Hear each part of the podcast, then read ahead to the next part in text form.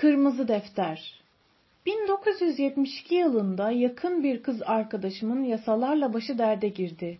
O yıl İrlanda'da Sligo kenti yakınlarındaki küçük bir köyde yaşıyordu. Onu ziyarete gittiğim bir gün sade giyimli bir dedektif arkadaşımın oturduğu küçük eve arabayla gelip bir mahkeme celbi getirdi. Konu arkadaşımın bir avukata başvurmasını gerektirecek kadar ciddiydi. Sağa sola akıl danışan arkadaşıma birisi önerildi ve ertesi sabahta bu adamla buluşup konuyu görüşmek üzere ikimiz bisikletlerimize atlayıp kente gittik. Adamın çalıştığı hukuk bürosunun adının Argue ve Hips olduğunu görünce çok şaşırdım. Bu anlattığım gerçek bir öyküdür. Sözlerimden kuşkuya düşenler varsa onlara Siligo'ya gidip bu öyküyü uydurup uydurmadığımı kendi gözleriyle görmelerini öneririm. Şu son 20 yıldır bu iki at beni oldukça eğlendirdi. Öte yandan Argue ile Hips'in gerçekten var olduklarını kanıtlayabilsem de bu iki adın bir araya gelmesi, birleşip daha da keyfi bir şaka oluşturacak hukuk mesleğini alabildiğine yüceltecek biçimde benim hala inanmakta güçlük çektiğim bir şey. Son aldığım bilgilere göre ki 3-4 yıl öncesine dayanıyor bilgilerim, bu şirketin işleri hala tıkırında gidiyor. Ertesi yıl 1973'te Fransa'nın güneyindeki bir çiftlik evinde bekçi olarak çalışmak üzere bir iş teklifi aldım. Kız arkadaşım hukuki sorunlarını çoktan çözmüştü. Aramızdaki bir başlayıp bir biten ilişki yeniden başlama döneminde olduğundan güçlerimizi birleştirip o işe birlikte gitmeye karar verdik. O sıra ikimiz de meteliksizdik. Bu teklif olmasaydı Amerika'ya dönmemiz gerekiyordu ki henüz ikimiz de bunu yapmaya hazır değildik. Sonunda tuhaf bir yıl geçirdik. Doğrusunu isterseniz güzel bir yerdi orası. Bir yanında üzüm bağları, bir yanında orman olan 18. yüzyıldan kalma kocaman taş bir bina. En yakın köy 2 kilometre uzaktaydı. Ama köyün nüfusu 40 kişiyi geçmiyordu. Ayrıca köylülerin hiçbiri de 60-70 yaşından genç değildi. İki genç yazarın bir yıl geçirmesi için ideal bir yerdi orası. Veli ile ben orada sıkı çalıştık. O evde ikimizin de aklına bile gelmeyecek kadar çok şey başardık. Öte yandan sürekli olarak felaketin neredeyse eşiğinde yaşıyorduk. Paris'te yaşayan bir Amerikalı karı koca olan işverenlerimiz bize her ay küçük bir maaş, 50 dolar, aranı, arabanın yakıtı için bir ödenek ve ev halkından sayılan Labrador Retriever cinsi iki köpeğin bakımı için bir para gönderiyorlardı. Tümden bakılınca cömert bir teklifti bu. Kira ödemiyorduk. Aldığımız aylık geçimimize yetecek miktarda olmasa bile aylık masraflarımızın önemli bir bölümünü karşılıyordu. Planımız bize gereken paranın geri kalanını çeviri yaparak kazanmaktı. Paris'ten ayrılıp kent dışına yerleşmeden önce o yılı geçirmemize yardım edecek birkaç iş ayarlamıştık. Ancak yayıncıların genellikle borçlarını ödemekte pek aceleci davranmadıklarını hesaba katmamıştık. Ayrıca bir ülkeden bir başka ülkeye gönderilen çekleri tahsil etmenin haftalar sürebileceğini, tahsil edilebildiklerinin de banka ve döviz kuru masraflarının çekin üzerindeki rakamı azalttığını da aklımıza getirmemiştik. Lee de ben de bu konuda hata payı ya da yanlış hesaplama payı bırakmadığımızdan kendimize sık sık umarsız durumlarda buluyorduk. Şiddetli nikotin krizleri geçirdiğimi anımsıyorum. Bedenim tütünsüzlükten taş kesilmiş durumda. Bozuk para bulabilmek umuduyla kanepenin yastıklarını alt üst ediyor, dolapların arkasında sürünüyordum. 18 santime, 3,5 sent kadar bir para. Dörtlü paketler halinde satılan Pirisiennes marka sigaralardan alınabiliyordu. Köpekleri beslerken onların benden daha iyi şeyler yediğini düşündüğümü anımsıyorum.'' bir kutu köpek maması açıp akşam yemeğinde yesek mi diye Lee ile ciddi ciddi konuştuğumuzu da anımsıyorum. O yıl bu söylediğim dışında tek gelirimiz James Sugar adında bir adamdan gelen para oldu. Metaforik adlarda ısrar ediyor değilim. Ancak gerçek gerçektir. Bu konuda elimden bir şey gelmez. Sugar, National Geography dergisinde kadrolu fotoğrafçı olarak çalışıyordu ve bulunduğumuz böyle bölgeyle ilgili bir yazı konusunda bizim patronlardan biriyle işbirliği yapması nedeniyle hayatımıza girmişti.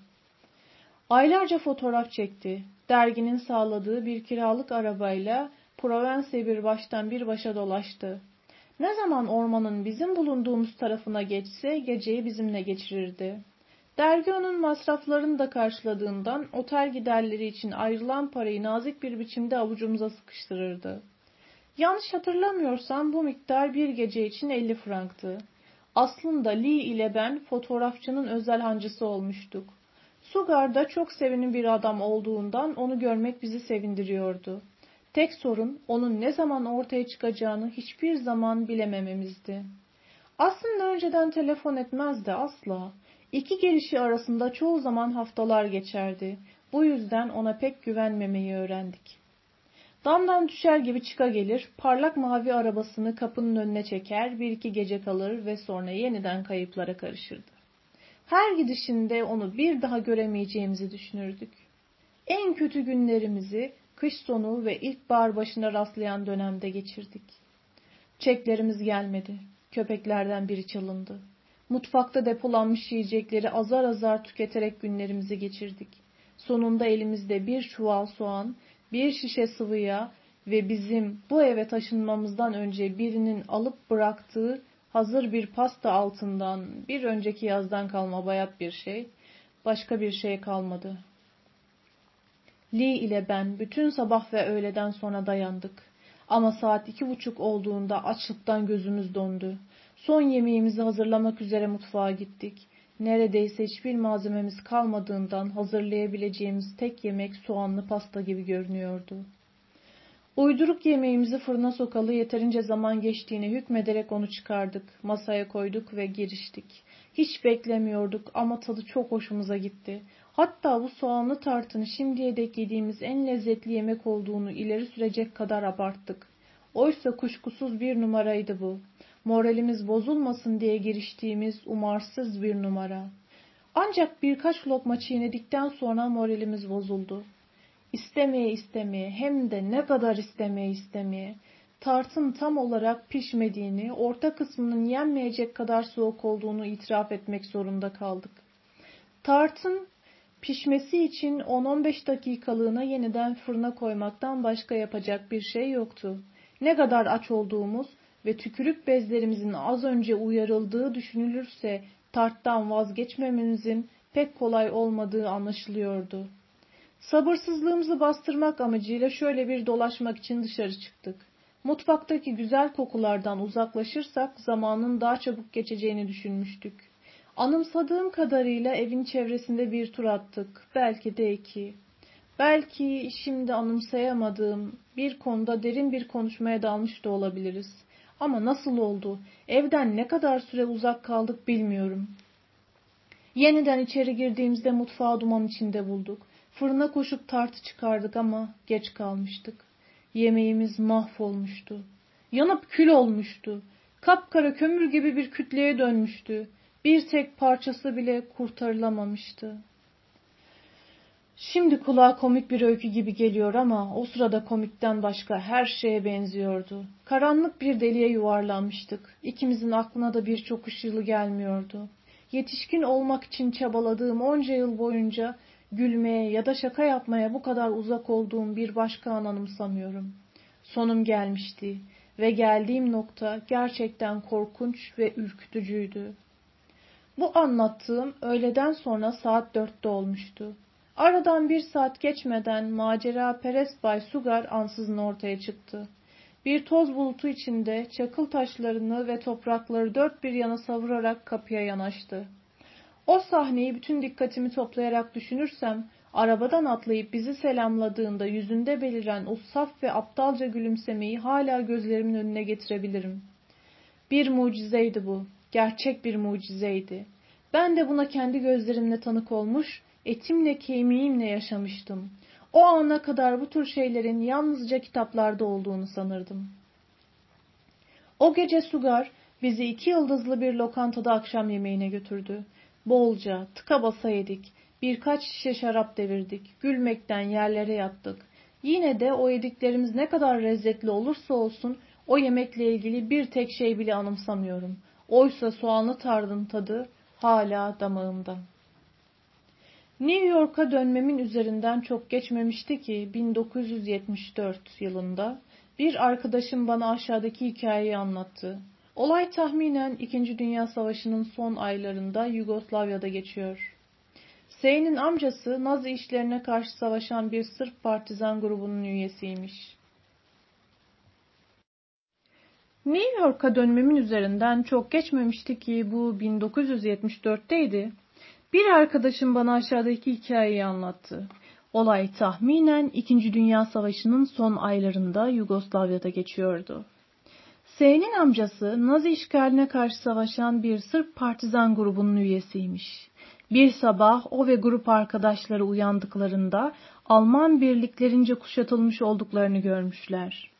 Kent dışında bir yerde bir çiftlikte kıstırılmış durumdaymışlar.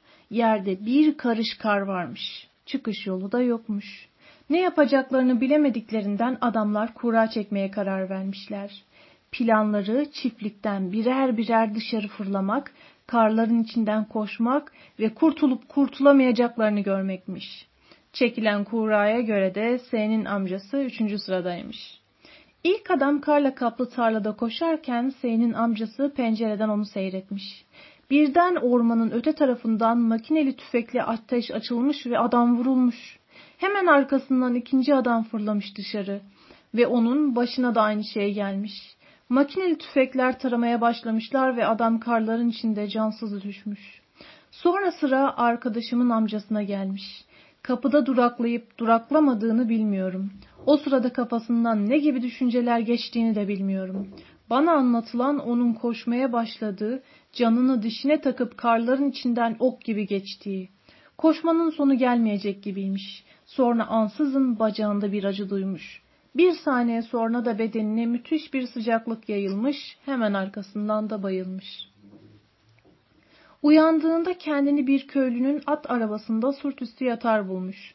Aradan ne kadar zaman geçtiğini bilmiyormuş. Nasıl kurtarılmış olduğunu da bilmiyormuş. Gözlerini açtığında bir köy yolunda bir katırın ya da atın çektiği bir arabada yatıp önünde oturan köylünün kafasının arkasına bakar bulmuş kendini. O kafanın arkasına birkaç saniye seyretmiş. Sonra ormandan gürültülü patlamalar duyulmaya başlamış. Hareket edemeyecek kadar güçsüz olduğundan o kafanın arkasını seyretmeyi sürdürmüş. Ama kafa birdenbire yok oluvermiş. Köylünün bedeninin üzerinden uçuvermiş. Bir an önce eksiksiz bir adamın oturduğu yerde şimdi kafası olmayan bir adam oturuyormuş. Gürültüler, karmaşa. Atın arabayı sürmeye devam edip etmediğini bilmiyorum. Ancak birkaç dakika Belki de saniye içinde çok sayıda Rus birlikleri görünmüş yolda. Çipler, tanklar, bir sürü asker. Birliklerin komutanı Sey'nin amcasının bacağına göz atar atmaz onu hemen yakında konuşlandırmışlar. Revire göndermişler. Bu revir esen yıkılacak bir tahta barakadan başka bir şey değilmiş. Bir kümes, belki de bir çiftliğin müştemilatı. Oradaki Rus ordu doktoru bacağın kurtulamayacağını söylemiş. Çok ağır bir yara almış demiş. Kesmesi gerekiyormuş. Arkadaşımın amcası haykırmaya başlamış. Bacağımı kesmeyin diye bağırıyormuş. Lütfen yalvarıyorum bacağımı kesmeyin. Ama kimse ona kulak vermiyormuş. Hasta bakıcılar onu ameliyat masasına kayışla bağlamışlar. Doktor da testereyi almış eline. Tam bacağın derisini delmek üzereyken bir patlama daha olmuş. Revirin tavanı çökmüş, duvarlar göçmüş, barakanın tamamı yok olmuş. Sey'nin amcası bir kez daha bayılmış. Bu kez uyandığında kendini bir yatakta bulmuş. Ah! Çarşaf temiz ve yumuşakmış. Odada hoş kokular varmış. Bacağı da yerinde duruyormuş. Birden karşısında güzel bir genç kadın görmüş. Kendisine gülümsüyor, kaşıkla et suyu içiriyormuş.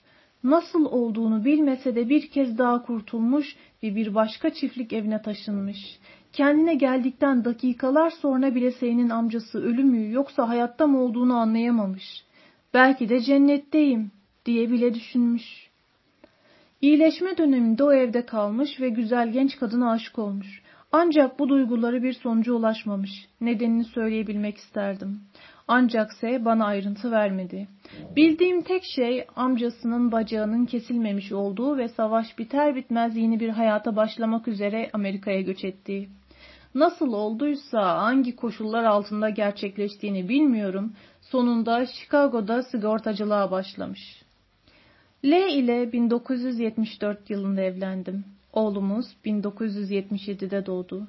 Ama bir yıl sonra evliliğimiz sona erdi. Bütün bunların şimdi bir önemi yok. Ancak 1980 ilkbaharında yaşadığım bir olayın temelini oluşturduğu için anlatıyorum. O sıralarda ikimiz de Brooklyn'de oturuyorduk. Evlerimiz birbirinden 3-4 sokak uzaktaydı. Oğlumuz zamanını bu iki ev arasında bölüştürüyordu. Bir sabah Daniel'i alıp okuluna götürmek üzere L'nin evine uğradım. Apartmanına girdim mi yoksa Daniel mi merdivenden indi şimdi tam olarak anımsayamıyorum. Ancak Daniel ile birlikte oradan uzaklaşmak üzereyken L'nin üçüncü kattaki evinin penceresini açıp bana bir on centlik attığı net olarak aklımda. Bunu neden yaptığını da unutmuşum. Belki arabasının parkometre süresini uzatma, uzatmam içindi, belki de benden bir şey istiyordu bilmiyorum. Aklımda kalan tek şey açık pencere ve havada uçan on centliğin görüntüsü. Bu sahneyi öyle, öyle berrak anımsıyorum ki sanki o anın fotoğrafını incelemişim. Sanki o sahne o günden beri sürekli görmekte olduğum bir düşün bir bölümü. Ama on sentlik bir ağacın dalına çarptı ve kavis çizerek elime doğru gelişi kesintiye uğradı. Ağaçtan yere sıçradı. Yakınlarda bir yere sessizce düştü ve gözden kayboldu. Yere eğilip kaldırımda aradığımı anımsıyorum. Ağacın dibindeki yaprakların ve dalların arasını karıştırdığımı da. Ama para görünürde yoktu. İlk bahar başlarındaki bu olayı net olarak anımsıyorum. Çünkü aynı gün daha geç bir saatte Şia Stadyumunda bir beyzbol maçına gittim. Sezonun ilk maçıydı. Bir arkadaşıma bilet verilmiş. O da beni birlikte gitmek için davet etmişti. Daha önce hiç açılış maçına gitmemiştim. Bu yüzden o günü çok net anımsıyorum. Stadyuma erken gittik. Biletleri belli bir gişeden almamız gerekiyordu. Arkadaşım bilet işini halletmeye gittiğinde ben onu stadyumun giriş kapılarından birinin önünde bekledim. Ortalıkta hiç kimse yoktu. Bir sigara yakmak için ufak bir girintinin içine sığındım. O gün hava çok rüzgarlıydı. Ayağımın 5-6 santim ötesinde yerde bir 10 sentlik duruyordu. Eğildim, parayı alıp cebime koydum. Kulağa gülünç, gülünç gelebilir ama o 10 sentliğin o sabah Brooklyn'de kaybettiğim 10 sentlik olduğuna eminim. Oğlumun gittiği anaokulunda annesiyle babası ayrılmak üzere olan bir küçük kız vardı. Babasından çok hoşlanıyordum. Hayatına mimari projelerden kazanan gayretli bir ressamdı. Tablolarının çok güzel olduğunu düşünüyordum ama şansı yoktu. Tablo alıcılarının yapıtlarını desteklemeleri için ikna edemiyordu. Tek bir kez sergi açabilmişti, onda da resim galerisi kapanmıştı. Bey ile yakın arkadaş değildik. Ancak birlikte olmaktan hoşlanıyorduk ve ne zaman onu görsem eve onun sebatına ve serin kanlılığına bir kez daha hayran olarak dönüyordum. Sızlanan ya da kendini acıyan biri değildi. Son yıllarda ne kadar sıkıntı çekmiş olursa olsun bitmeyen para sorunları, sanattaki başarısızlığı, ev sahibinin evden çıkarma konusundaki tehditleri, eski karısıyla yaşadığı güçlükler. Bunların hiçbiri onun dengesini bozuyor gibi görünmüyordu. Her zaman tutkusuyla resim yapmayı sürdürüyordu. Birçok kimse gibi kendisinden daha yeteneksiz olmalarına karşın daha iyi durumda olan başka sanatçıları kıskanıp onlara bozulmuyordu. Kendi tabloları üzerinde çalışmadığı zamanlar Metropolitan Müzesi'ne gidip eski ustaların yapıtlarının kopyalarını çıkarırdı. Caravaggio'nun bir tablosunun bana oldukça ilginç gelen bir kopyasını yaptığını anımsıyorum. Aslında kopya değil de bir taklidiydi. Özgün tablonun birebir tıpkısıydı. Müzeye yaptığı bu ziyaretlerden birinde Teksaslı bir milyoner beyi çalışırken görmüş ve öylesine etkilenmiş ki Renoir'un bir tablosunun bir kopyasını ısmarlamış ona. Sonra da tabloyu nişanlısına hediye etmiş. B oldukça uzun boyluydu. 1.95 ya da 2 metre. Yakışıklıydı ve kibardı. Bu özellikleri onu kadınlar karşısında oldukça çekici kılıyordu. Boşanması gerçekleşip de yeniden ortalıkta görünmeye başladığında kadın arkadaş bulmakta hiç zorlanmadı. Onu yılda iki üç kez görebiliyordum ancak. Ama ne zaman görsem hayatında bir başka kadın vardı. Belki de bu kadınların hepsi ona deli oluyorlardı. Neler hissettiklerini anlamak için B'ye nasıl baktıklarını görmek yeterliydi. Ama nedense bu ilişkilerin hiçbiri uzun ömürlü olmuyordu. İki ya da üç yıl sonra B'nin ev sahibi sonunda tehditlerini gerçekleştirdi ve onu evden attı. B kentten ayrıldı. Onunla bağlantım koptu.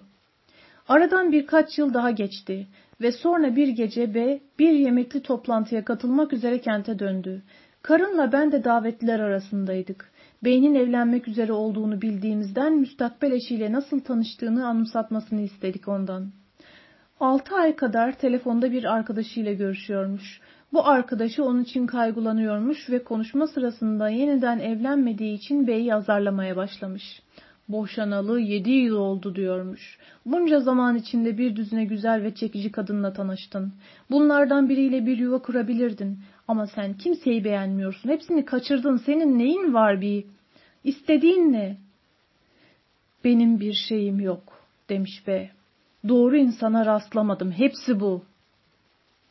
Bu hızla gidersen rastlayamazsın da demiş arkadaşı. Demek istiyorum ki senin aradığın niteliklere yakın olan bir kadın çıktı mı karşına hiç? Birinin adını verebilir misin? Bir tek hat ver bakalım. Arkadaşının ısrarına şaşıran bey durup bu soruyu üzerinde dikkatlice düşünmüş. Evet, demiş sonunda. Biri vardı. E adında bir kadın. 20 yıl kadar önce Harvard'da öğrenciyken tanımıştı onu. Ama kız o sıralarda bir başka erkekle birlikteymiş, kendisi de bir başka kızla. Daha sonra evlenip boşanacağı kadınla. Bu yüzden aralarında bir şey geçmemiş. E'nin şimdi nerede olduğu hakkında hiçbir fikrim yok demiş arkadaşına. Ama ona benzeyen biriyle karşılaşırsam gözümü kırpmadan yeniden evlenirim. Konuşmaları böylece sona ermiş. Bu kadından arkadaşına söz edene kadar bey 10 yıldan fazladır onu aklına bile getirmemişmiş. Ama şimdi yeniden aklına düştüğüne göre başka bir şey düşünemez olmuş. O günü izleyen 3-4 gün boyunca sürekli o kadını düşünmüş B eline geçen biricik mutluluk fırsatını yıllar önce kaçırdığı duygusundan bir türlü kurtulamıyormuş. Sonra bu düşüncelerin yoğunluğu sanki dünyaya bir işaret göndermişçesine bir gece telefonu çalmış. Hattın öbür ucundaki kişi bilin bakalım kimmiş. E. B. Üç saatten fazla tutmuş kadını telefonda. Ona neler söylediğinin pek farkında değilmiş ama gece yarısını geçene kadar konuşup durmuş. Çok önemli bir şey olduğunun ve kadını bir kez daha elinden kaçırmaması gerektiğinin farkındaymış. Okuldan mezun olduktan sonra E, bir dans topluluğuna katılmış. Son 20 yıldır kendisini tümüyle mesleğine vermiş, hiç evlenmemiş. Artık dans hayatını bırakacağı için eski arkadaşlarını arayıp insanlarla yeniden ilişki kurmak istiyormuş. Ailesi yokmuş. Küçük bir kızken ailesini bir araba kazasında yitirmiş. Onu iki teyzesi büyütmüş. Onlar da artık hayatta değillermiş. B ertesi gün buluşmalarını planlamış. Buluştuklarında kadına karşı duygularının tıpkı hayal ettiği kadar güçlü olduğunu anlaması fazla uzun sürmemiş. Ona yeniden sırılsıklam olmuş. Birkaç hafta geçince de evlenmeye karar verip nişanlanmışlar. Bu hikayeyi daha da kusursuz kılmak için E'nin oldukça varlıklı olduğunun ortaya çıkmasını eklemeliyiz. Teyzeleri zenginmiş. Onlar ölünce bütün paraları E'ye kalmış. Bunun anlamı B'nin yalnızca gerçek aşkı bulması değil, onu yıllardır bıkıp usandıran para sorunlarının da birden ortadan kalkmasıymış. Bir taşla iki kuş. Düğününden bir iki yıl sonra bir çocukları olmuş. Duyduğumuza göre anne, baba ve bebek çok iyilermiş. Buna benzer ama daha kısa bir süre içinde 20 yıl yerine birkaç ay, geçen bir olayı da R adında bir başka arkadaşım anlattı. Peşine düştüğü ancak bir türlü bulamadığı tuhaf bir kitap vardı. Okumayı çok istediği ve ilginç bir yapıt olduğunu söylediği bu kitabı ele geçirmek için kitap evlerini ve katalogları taramış. Bir öğle sonrası kentte dolaşırken kestirme olsun diye Grand Central istasyonundan geçmiş, Vanderbilt bulvarına çıkan merdivenlerdeyken mermer korkuluğun yanında elinde bir kitapla duran bir genç kadın görmüş. İzini bulmak için umarsızca çabaladığı kitapmış o. Genellikle yabancılarla konuşan türden biri olmamasına karşın bu rastlantı onu öylesine hayrete düşürmüş ki sessiz kalamamış. İster inanın, ister inanmayın, demiş genç kadına. Her yerde bu kitabı aradım. Harika bir kitap, demiş genç kadın. Az önce bitirdim. Bu kitabı nerede bulabileceğimi biliyor musunuz? diye sormuş Re. Bunun benim için ne anlama geldiğini size anlatamam. Bu kitap sizin, diye yanıtlamış kadın onu. Ama o sizin, demiş Re. Benim idi, demiş kadın. Ama benim işim bitti. Bugün buraya onu size vermek için geldim. 12 yıl önce karımın kız kardeşi gidip Tayvan'a yerleşti. Amacı Çince öğrenmekti. Şimdi inanılmaz akıcı konuşuyor bu dili. Bu arada Taipei'de Çinlilere İngilizce dersleri vererek geçimini sağlayacaktı. Bu dediğim ben karımla tanışmadan bir yıl önce olmuştu. Karım o sıralarda Columbia Üniversitesi'nde öğrenciydi. Müstakbel baldızın bir gün Çince öğrenmek üzere Taipei'ye gitmiş olan Amerikalı bir kız arkadaşıyla konuşuyormuş. Söz dönüp dolaşıp Amerika'da bıraktıkları ailelerine gelmiş. Sonra da konuşma şu biçimi almış. New York'ta oturan bir, bir kız kardeşim var demiş müstakbel baldızım. Benim de diye yanıtlamış onu arkadaşı. Kız kardeşim batı yakasının yukarı kısmında oturuyor. Benimki de. Kız kardeşimin evi batı 190. sokakta. İster inan ister inanma. Benimkinin de. Benim kız kardeşimin evi batı 109. sokak 309 numarada. Benimkinin de Kız kardeşimin dairesi Batı 109. sokaktaki 309 numaralı binanın ikinci katında. Arkadaşı derin bir soluk alıp şöyle demiş. Bu söyleyeceğim akıl alır gibi değil ama benimkinin de. Taipei ile New York kadar birbirine uzak iki kent yok gibidir. Dünyanın iki ucundadırlar. Aralarında 11 milden fazla uzaklık vardır. Birinde gündüzken ötekinde gecedir. Taipei'deki iki genç kadın az önce keşfettikleri o müthiş bağlantıya şaşırıp dururken kız kardeşlerinin büyük olasılıkla uykuda oldukları gelmiş akıllarına. Manhattan'ın kuzeyinde aynı binanın aynı katında her biri kendi dairesinde ve dünyanın öteki ucunda o anda konuşulanlardan habersiz olarak. New York'ta bu iki kız kardeşin komşu olmalarına karşın birbirlerini tanımadıkları ortaya çıktı. Sonunda karşılaştıklarında iki yıl sonra her ikisi de artık o binada oturmuyordu. Siri ile ben o sırada evlendik. Bir gece bir toplantıya giderken birkaç dakikalığına kitaplara bakmak için Broadway'deki bir kitapçıya uğradık. Farklı bölümlere yönelmiş olmalıyız ki Siri bana bir şey gö göstermek istediği için ya da ben ona bir şey göstermek istediğim için şimdi anımsayamıyorum. İkimizden biri ötekinin adını yüksek sesle söyledi. Bir saniye sonra bir kadın koşarak yanımıza geldi. Siz Paul Auster'le Sylvie Huss'unuz değil mi? diye sordu. Evet, dedik. Söylediğiniz kişileriz. Ama nereden bildiniz bunu? Kadın bize kız kardeşiyle Siri'nin kız kardeşinin Tayvan'da birlikte okumuş olduklarını söyledi. Halka sonunda kapanmıştı. On yıl önce kitap evindeki o geceden sonra o kadın bizim en iyi ve en candan dostlarımızdan biri oldu. Üç yıl önceki yaz posta kutumda bir mektup buldum. Beyaz, dikdörtgen bir zarfın içinde gelen mektup tanımadığım birine gönderilmişti. Washington eyaletinin Seattle kentinde Robert Morgan adlı birine. Zarfın üzerinde postanelerde vurulmuş çeşitli damgalar vardı. Adreste yok, iletilemiyor, gönderene iade. Bay Morgan'ın adının üzeri kalemle çizilmişti. Yanına adreste bulunamadı diye yazılmıştı. Aynı mavi mürekkeple çizilmiş bir ok zarfın sol üst köşesini gösteriyordu. Okun üzerine de gönderene iade yazılmıştı. Postanede bir hata yapılmış olduğunu düşünerek alıcının kim olduğunu görmek üzere zarfın sol üst köşesine baktım. Orada kendi adımı ve adresimi görünce gözlerime inanamadım. Bununla da kalmıyordu. Adres bilgisi özel yapım bir etiketin üzerine basılıydı. Hani şu kibrit kutularının üzerine reklam veren 200'lük paketler halinde sipariş edebileceğiniz türden etiketlerdendi. Adım doğru yazılmıştı. Adres benim adresimdi ama gerçek şuydu ki ve halen de öyle, ömrüm boyunca kendime basılı adres etiketi ısmarladığım olmamıştı. Zarfın içinde daktiloda tek aralıkla yazılmış bir mektup vardı. Sevgili Robert diye başlıyordu mektup. 15 Temmuz 1989 tarihli mektubuna yanıt olarak sana şunu söyleyebilirim ki başka yazarlar gibi ben de sık sık işimle ilgili mektuplar alıyorum.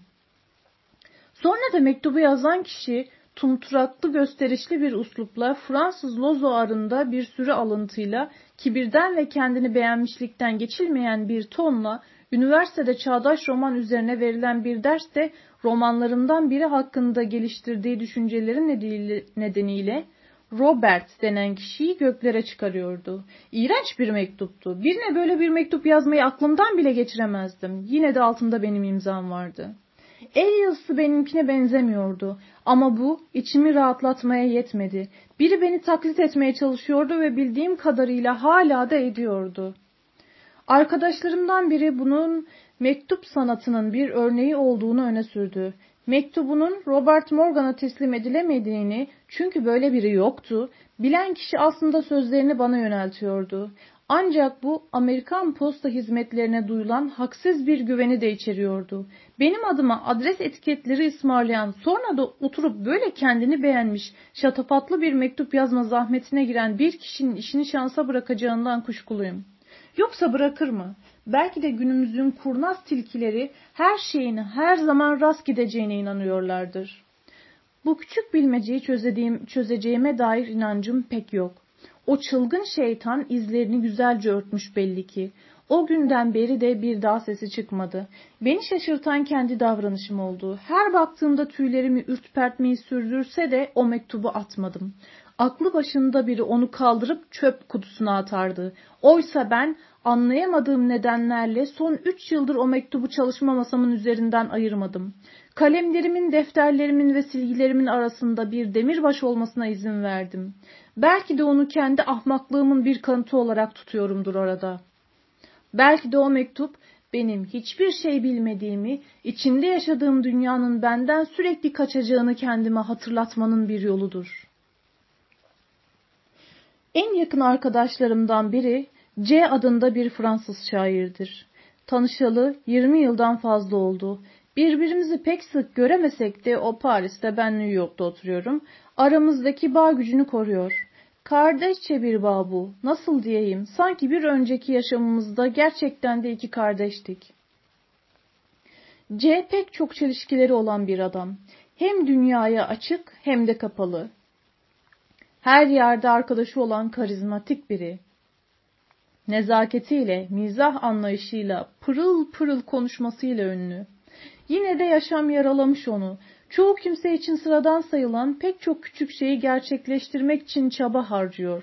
Olağanüstü yetenekli bir şair ve şiir düşünürü olan C sık sık yazamamak krizlerine giriyor, kendisinden kuşkuya düşüp ayrı karamsarlığa kapılıyor ve ne tuhaftır ki böylesine gönlü bol, hiç huysuz olmayan biri için çoğu kez hiç önemi olmayan ya da soyut bir ilke ürüne kim güdüp kavga çıkarabiliyor. Dünyanın her yerinde hayranları var. Ondan daha yetenekli, bütün dikkatleri üzerinde ondan daha kolay toplayan biri bulunmaz. Yine de kendini marjinalleştirmek için bugüne kadar elinden geleni ardına koymamıştır. Yıllar önce karısından ayrıldığında bu ayrıldığından bu yana neredeyse beş parasız durumda ve düzensiz işlere girip çıkarak bir sürü küçük tek odalı evde yaşadı. Pek az şiir yayımladı. Durmadan okumasına ve modern şiir konusunda Fransa'daki herkesten daha fazla bilgili olmasına karşın tek bir eleştiri sözcüğü bile yazmadı. Bizim gibi onu sevenler için sayımız pek çok. C çoğunlukla bir üzüntü kaynağı. Onu saydığımız ve sağlığıyla ilgilendiğimiz kadar onun için kaygılanıyoruz da. Güç bir çocukluk geçirmiş. Bunu herhangi bir şeye ne derece açıklama getirdiğini bilmem. Ancak gerçekler göz ardı edilmemeli. Sanırım C henüz küçükken babası bir kadınla kaçmış. O günden sonra arkadaşım annesinin yanında büyümüş.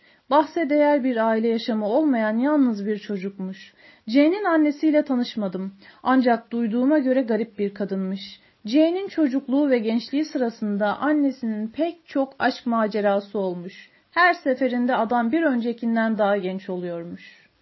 C 21 yaşına gelip de askere gitmek üzere evden ayrıldığında annesinin erkek arkadaşı neredeyse C'nin yaşındaymış.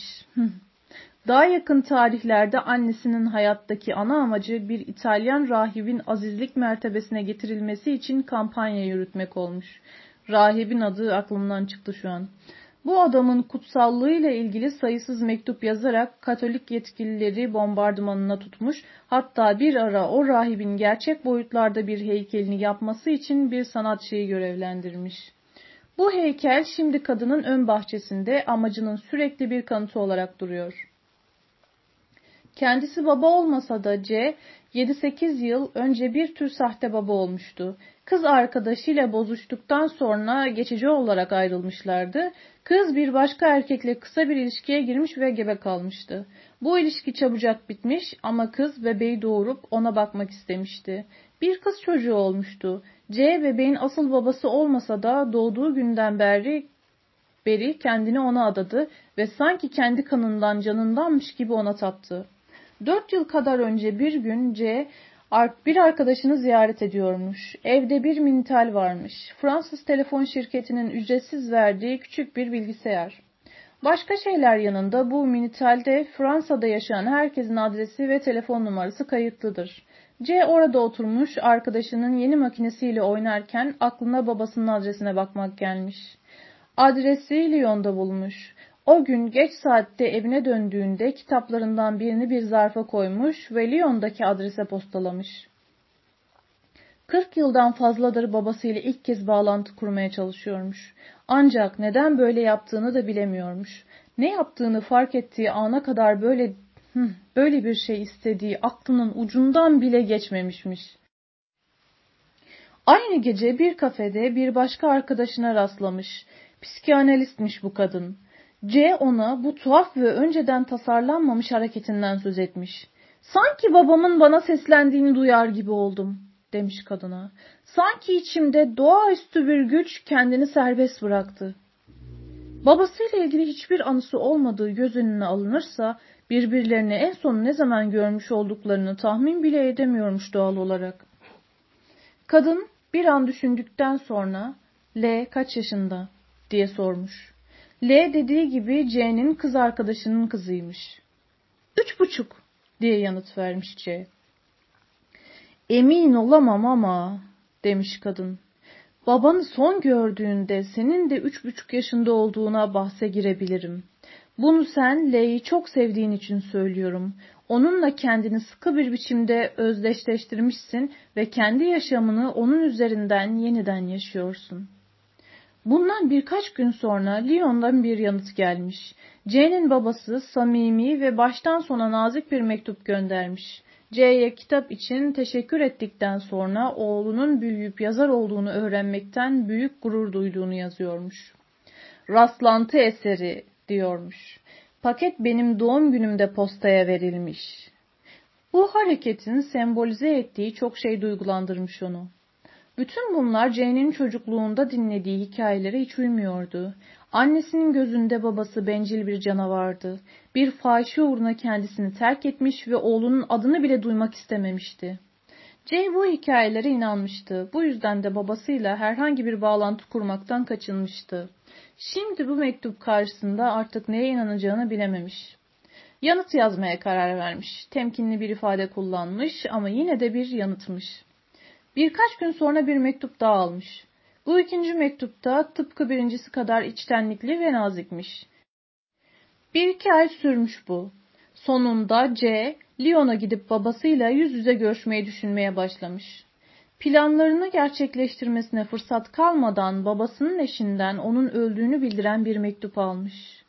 Son birkaç yıldır sağlığı bozulmuştu diye yazıyormuş kadın.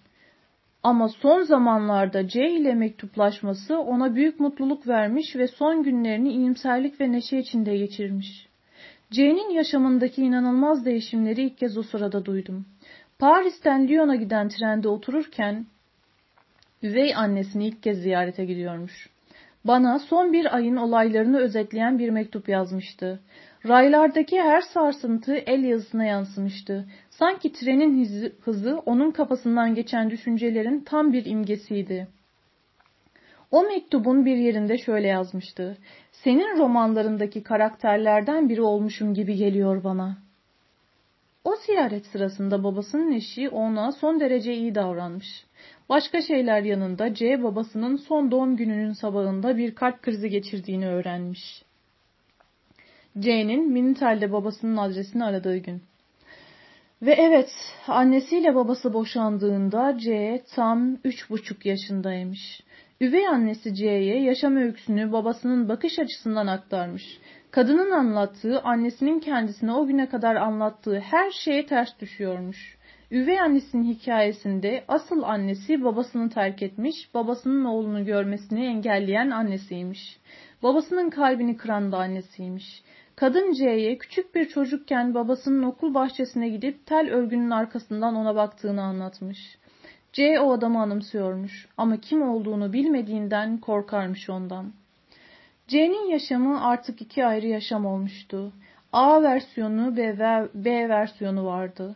Her ikisi de onun hikayesiydi. Her ikisi de aynı ölçüde yaşamıştı. Birbirlerini sıfırlayan iki gerçek vardı ve onca zaman hiç farkında olmadan tam ortada kötü bir durumda kalmıştı. Babasının küçük bir kırtasiye dükkanı varmış, bildiğimiz kağıt ve yazı malzemesi satar, bunun yanında popüler kitaplar kiralarmış. Bu işle hayatını kazanıyormuş. O kadar geriye oldukça mütevazı bir miras bırakmamış. Rakamlar önemli değil. Önemli olan üvey annesinin, o da artık yaşlanmışmış, kendisine kalan parayı C ile yarı yarıya bölüşmekte ısrar etmesiymiş. Vasiyetnamede onun bunu yapmasını öngören bir şey yokmuş ve ahlaki açıdan kocasının birikiminin bir kuruşunu bile vermesi gerekmezmiş. Bunu isteği için yapmış. Parayı kendisine almaktansa paylaşmak onu daha mutlu edecekmiş. Ne zaman arkadaşlık üzerine özellikle de bazı arkadaşlıkların sürekli olurken bazılarının nasıl bittiği üzerine düşünsem, araba kullandığım onca yıl boyunca yalnızca dört kez lastiğimin patladığı gelir aklıma ve bu dört olayın dördünde de araba yanımda aynı kişinin bulunduğu üç değişik ülkede sekiz ya da dokuz yıla yayılan bir süre içinde C. Üniversiteden arkadaşımdı. İlişkimizde her zaman bir tedirginlik, tedirginlik bulunsa da pek iyi anlaşamasak da bir ara oldukça yakındık birbirimize. Henüz üniversite öğrencisi olduğumuz bir ilkbahar günü babamın eski station arabasını alıp Gubek'in vahşi bölgelerine daldık. Dünyanın o köşesinde mevsimler daha yavaş değişir, bu yüzden kış henüz sona ermemişti. İlk patlayan lastik sorun çıkarmadı bize, yedek lastiğimiz vardı. Ama daha bir saat geçmeden ikinci lastiğimiz de patlayınca günün büyük bölümünü o kıraç ve buz gibi soğuk topraklarda kötü durumda geçirmek zorunda kaldık. O günlerde bu olayı şanssızlık olarak görüp üzerinde durmamıştım. Ancak 4-5 yıl sonra C Fransa'ya L ile benim bekçi olarak çalıştığımız eve geldiğinde S bir durumdaydık. Depresyon geçiriyorduk. Kendimizi acımaktan uyuşmuş gibiydik. C'nin yanımızda gereğinden uzun kaldığının farkına varamıyorduk. Aynı şey geldi başıma. Günü birliğinde Aix-en-Provence'e gitmiştik. Arabayla iki saat. Aynı gece karanlık bir arka yoldan geçerken lastiğimiz yine patladı. Rastlantı diye düşündüm. Sonra da bu olayı kafamda attım. Ancak sonra bu olayın üzerinden dört yıl geçtiğinde L ile evliliğimin bozulmakta olduğu aylarda C yine bizi ziyarete geldi. Bu kez L ile benim bebeğimiz Daniel ile birlikte oturduğumuz New York State'e gelmişti. Bir ara C ile arabaya atlayıp akşam yemeği için alışveriş yapmak üzere bir dükkana gitmek istedik. Arabayı garajdan çıkardım. Tekerlek izleriyle dolu çamurlu araba yolunda geri manevra yaptım ve yola devam etmeden önce sola sağa ve sonra yine sola göz atmak üzere yolun kenarına kadar ilerledim. Tam o sırada bir arabanın geçmesini beklerken hava kaçıran lastiğin hiç şaşmayan tıslama sesini duydum. Bir lastik daha patlamıştı. Üstelik bu sefer daha evden ayrılmamıştık bile. C de ben de güldük elbette. Ama işin aslı şu ki patlayan bu dördüncü lastikten sonra arkadaşlığımız bir daha eskisi gibi olmadı. Ayrılığımıza o patlak lastiklerin neden olduğunu söylemek istemiyorum ama tuhaf bir biçimde aramızın her zaman nasıl olduğunun bir simgesiydi onlar. Belli belirsiz var olan bir lanetin işaretleriydi. Abartmak istemiyorum ama bugün bile o patlak lastiklerin bir anlamı olmadığını söylemek gelmiyor içimden. Çünkü gerçek şu ki C ile koptuk ve 10 yıldan fazladır birbirimizle görüşmedik. 1990 yılında birkaç günlüğüne yine Paris'e gittim. Bir öğle sonrasında bir arkadaşımın bürosuna uğradığımda 40'lı yaşlarının sonunda ya da 50'li yaşlarının başındaki bir Çek kadınla tanıştırıldım. Sanat tarihçisi olan bu kadın arkadaşımın arkadaşıydı. Çekici ve şen şakrak bir kadın olduğunu anımsıyorum. Ancak ben buraya girdiğimde o ayrılmak üzere olduğundan ancak 5-10 dakika birlikte kalabildik. Bu gibi durumlarda hep olduğu gibi havadan sudan konuştuk. Amerika'da ikimizin de bildiği bir kent, okuduğu bir kitabın konusu, havalar. Sonra tokalaştık, kadın bürodan çıkıp gitti ve onu bir daha görmedim. Kadın gittikten sonra ziyaret etmekte olduğum kadın arkadaşım koltuğunda geriye rastlanıp bana şöyle dedi. Güzel bir hikaye dinlemek ister misin? Elbette, dedim. Güzel hikayeler hep ilgimi çeker. Arkadaşımı çok severim, dedi.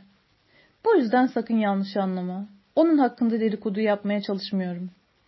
Ama senin bunu bilmeye hakkın olduğunu düşünüyorum. Emin misin? Evet eminim. Ama bana söz vermelisin.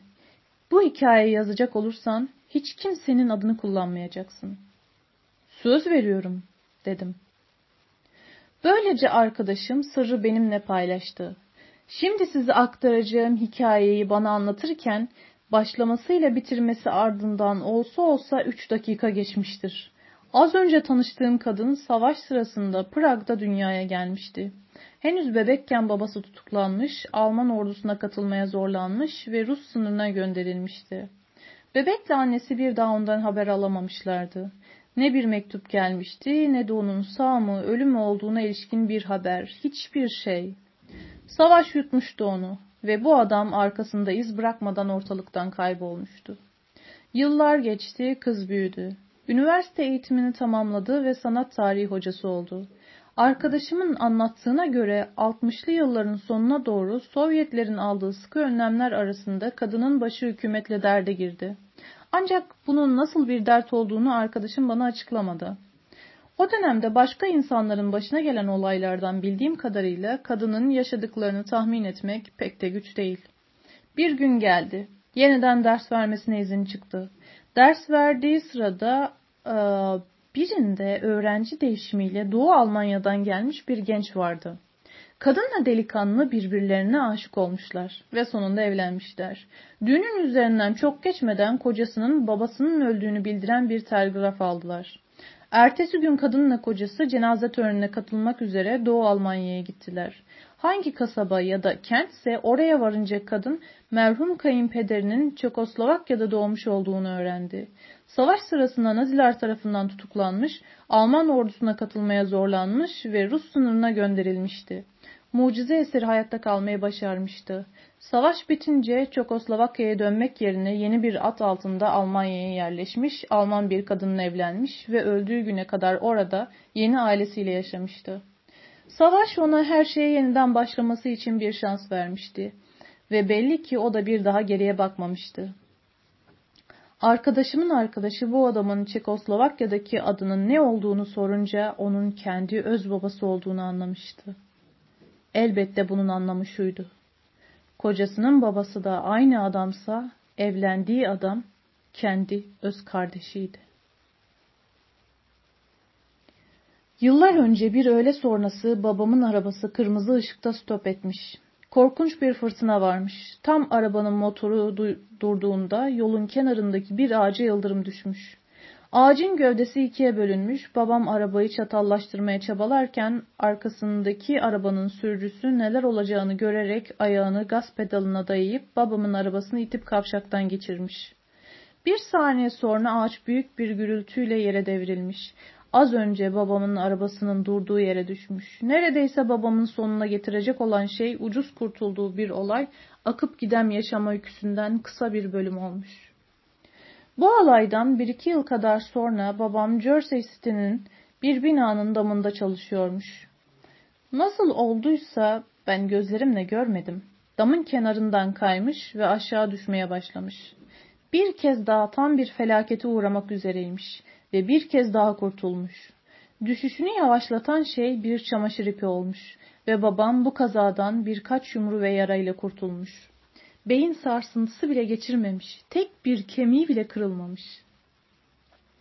Aynı yıl sokağın karşısında oturan komşularımız evlerini boyatmak için iki adam tutmuşlardı. İşçilerinden biri damdan düşüp oldu. Öldü. O evin küçük kızı benim kız kardeşimin en iyi arkadaşıydı. Bir kış gecesi bu iki kız bir kıyafet bolosuna gittiler. Kızlar 6-7 yaşlarındaydılar, ben de 9 ya da 10. Babam onları partinin bitiminde gidip alacaktı.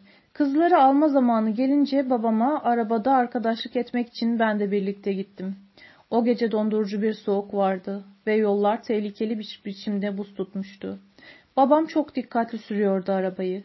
Giderken de dönerken de başımıza bir şey gelmedi. Ancak küçük kızın evinin önüne yanaşırken hiç akla gelmeyen bir şey birden bir oluverdi.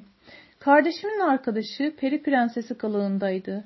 Kostümünü tamamlamak üzere annesinin yüksek topuklu ayakkabılarını giymişti ve ayakları o ayakkabıların içinde yüzdüğünden attığı her adım bir serüvene dönüşüyordu. Babam arabayı durdurup kıza evinin kapısına kadar eşlik etmek üzere aşağı indi.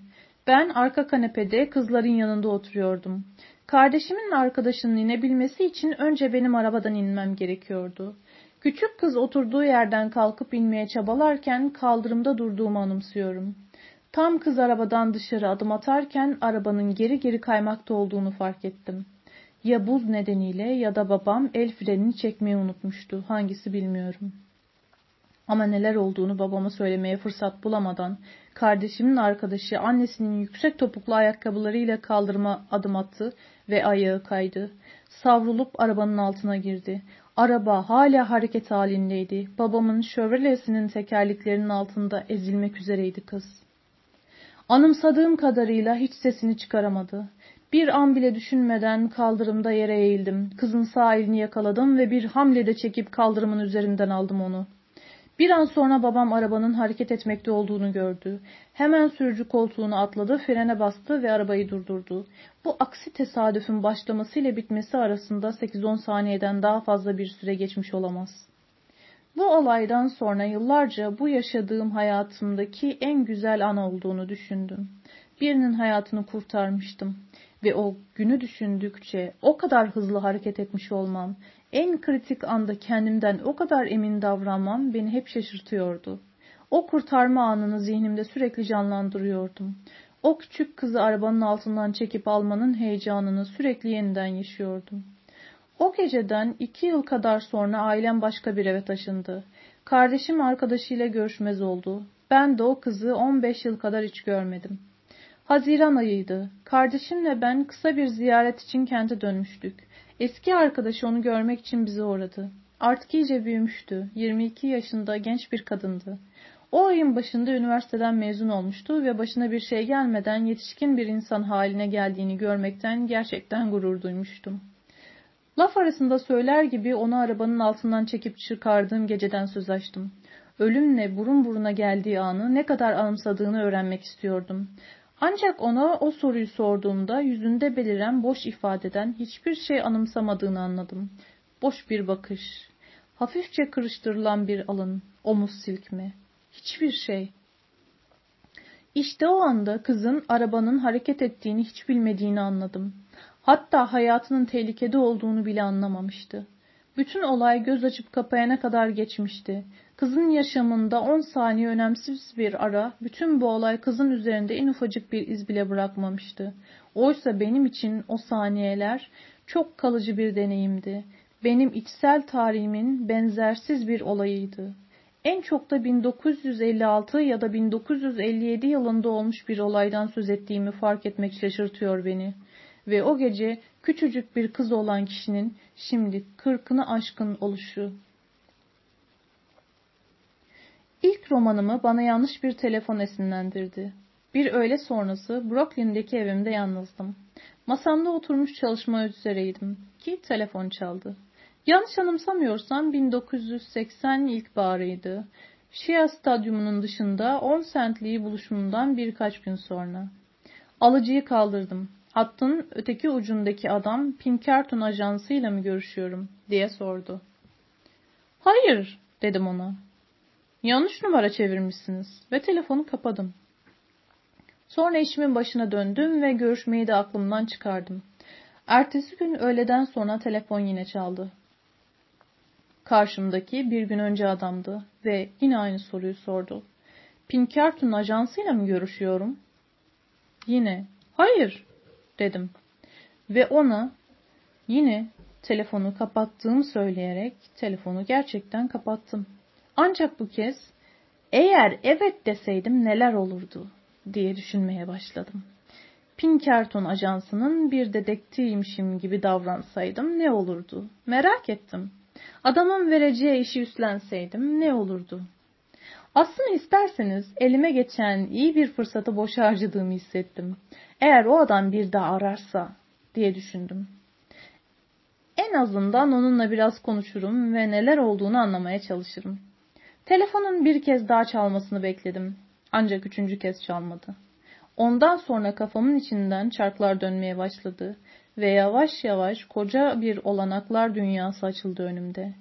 Bir yıl sonra Cam Kent'i yazmaya giriştiğimde o yanlış numara kitabın en önemli olayına dönüşmüştü. Yani bütün o hikayeyi başlatan hataya. Özel dedektif Paul Astor'la konuşmak isteyen biri, Queen adlı bir adama telefon eder. Tıpkı benim yaptığım gibi Queen de o adama yanlış numara çevirdiğini söyler. Ertesi gece aynı şey olur ve Queen yine kapar telefonu. Ama benimkinden farklı olarak. Queen'e bir şans daha tanınır. Üçüncü gece telefon yine çaldığında Aria'nın oyununa katılır Queen ve işi üstlenir. Evet der. Ona ben Paul Aster'im ve 10 dakikada karmaşa başlar. Öncelikle ilk içgüdüme sadık kalmak istiyorum. Gerçekte olanların ruhuna bağlı kalmazsam kitabı yazmamın bir amacı olmayacağını seziyordum. Bunun anlamı hem kendimi ya da en azından bana benzeyen birini, benimle aynı adı taşıyan birini hikayenin kurgusuna katmam hem de dedektif olmayan dedektif üzerine başkasının kimliğine bürünme, kılık değiştirme, çözümlenemeyen muammalar üzerine yazmamdı. Öyle ya da böyle başka seçeneğim olmadığını hissediyordum. Her şey iyi gitti. Kitabı bitireli 10 yıl oldu ve o günden beri kendime başka projeler buldum. Başka kirler, başka kitaplar. Ne var ki iki ay kadar önce kitapların asla bitirilmediğini öğrendim. Hikayelerin bir yazar olmadan da kendilerini yazmaya sürdürebileceklerini. O gün öğleden sonra Brooklyn'deki evimde yalnızdım. Telefon çaldığımda masamda oturmuş çalışmayı çabalıyordum. Burası 1980 yılında oturduğum ev değildi. Başka bir evdi. Telefon numarası da farklıydı. Telefonu açtım. Karşımdaki adam Bay görüşmek istediğini söyledi. İspanyol aksanıyla konuşuyordu. Sesin kime ait olduğunu anlayamadım. Bir an arkadaşlarımdan birinin beni işletmek isteyebileceğini düşündüm. Bay Queen mi? dedim. Şaka mı yapıyorsunuz? Yo şaka değildi. Adam çok ciddiydi. Bay Quinn'le görüşmek istiyor ve onu lütfen telefona vermemi istiyordu. İyice emin olmak için ondan isim kodlamasını istedim. Arayan kişinin ağır bir aksanı vardı. Ben de umarım konuşmak istediği kişinin adı Bay Quinn'dir diyordum kendi kendime. Ama şansım yoktu.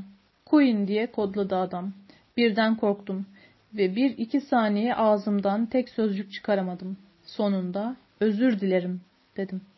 Bu arada Queen diye biri yok. Yanlış numara çevirmişsiniz. Adam beni rahatsız ettiği için özür diledi. Sonunda neden ikimiz de telefonu kapattık? Böyle bir şey gerçekten oldu. Bu kırmızı deftere yazdığım her şey gibi. Bu anlattığım da gerçek bir hikaye. 1992 Neden yazıyorum? Bir Alman arkadaşım iki kızının doğumundan önce rastlayan olayları anlatıyor. 19 yıl önce karnı burnunda ve doğumu birkaç hafta gecikmiş olan A, salondaki kanepeye oturmuş ve televizyonu açmış. Şansa bakın ki bir de ne görsün filmin jeneriği henüz gelmekteymiş ekrana. İnsanlık uğruna The Nonstoy adlı bir filmmiş oynayan. Başrolünde Hepburn'un olduğu 1959 yapımı bir Hollywood filmi. Dikkatinin dağılacağına sevinen A filmi seyretmek üzere kanepeye yerleşmiş ve hemen de kaptırmış kendini. Tam filmin ortasında doğum sancıları başlamış. Kocası onu arabaya koyup hastaneye götürmüş ve kadın filminin nasıl devam ettiğini öğrenememiş. Üç yıl sonra ikinci çocuğuna gebeyken A yine kanepeye oturup televizyonu açmış. Yine bir film varmış televizyonda ve yine Hepburn'un oynadığı İnsanlık Uğruna filmiymiş. Daha da ilginci ve A bu noktada çok emindi. Filme tam 3 yıl önce kaldığı yerden başlamış. Bu kez filmin sonuna kadar izleyebilmiş. 15 dakikaya kalmadan su kesesi patlamış ve ikinci doğumunu yapmak üzere hastaneye gitmiş. Bu iki kızdan başka çocuğu olmadı anın. İlk doğum gerçekten güç gerçekleşmişti. Arkadaşım neredeyse başaramıyordu çocuğunu dünyaya getirmeyi ve doğumunun arkasından aylarca düzelemedi. Ama ikinci doğumu çok rahat oldu. Hiçbir komplikasyon yaşanmadı. Beş yıl önce yaz aylarını karım ve çocuklarımla birlikte Vermont'ta bir dağın tepesinde kiraladığım çevresi ıssız eski bir çiftlik evinde geçirdim. Bir gün yakındaki kasabadan bir kadın iki çocuğuyla birlikte bize uğradı. Çocuklardan kız olanı dört, oğlansa bir buçuk yaşındaydı. Kızım Sophie üç yaşına yeni basmıştı. Küçük kızla ikisi iyi anlaştılar. Karımla ben konuğumuzla birlikte mutfakta oturduk. Çocuklar da gidip oynuyorlardı. Beş dakika sonra bir şangırtı koptu. Küçük oğlan evin öteki ucundaki giriş holüne gitmişti. Karım iki saat önce o hole çiçek dolu bir vazo koyduğundan neler olduğunu anlamak hiç de güç değildi. Zeminin kırık cam parçaları ve bir su gölüyle kaplandığını bilmek için gidip bakmama bile gerek yoktu. Yere saçılmış bir düzine çiçeğin sapları ve yaprakları da cabası. Kızmıştım. Lanet olası çocuklar dedim kendi kendime. Lanet olası insanlar ve lanet olası sakar çocukları. Önceden telefon etmeden insanların evine uğramak hakkını kim veriyordu onlara? Karıma ortalığı toparlayacağımı söyledim. O konuğumuzla sohbete devam ederken ben elime bir süpke, bir faraş ve birkaç bez alıp evin önü tarafına gittim. Karım çiçekleri merdiven parmaklıklarının hemen altında duran tahta bir sandığın üzerine yerleştirmişti. Bu merdiven özellikle dik ve dardı ve en alt basamağın olsa olsa bir metre kadar uzağında büyükçe bir pencere vardı. Bu yerleşimden söz ediyorum çünkü önemli. Her şeyin bulunduğu yerin az sonra olacaklarla ilgisi var. Ortalığı yarı yarıya toparlamıştım ki kızım odasından fırlayıp ikinci katın sağanlığına çıktı. Onu şöyle bir görecek kadar yakındım merdivenin dibine. Birkaç adım geride dursaydım onu görebilecek konumda olmayacaktım. Ve o kısacık anda onun yüzünde benim orta yaşlarımı olanca dayanılmaz bir neşeyle doldurmuştum. Katıksız bir mutlulukla dolu ifade görmüştüm. Sonra hemen sonra ona tek söz etmeme bile fırsat kalmadan tökezledi.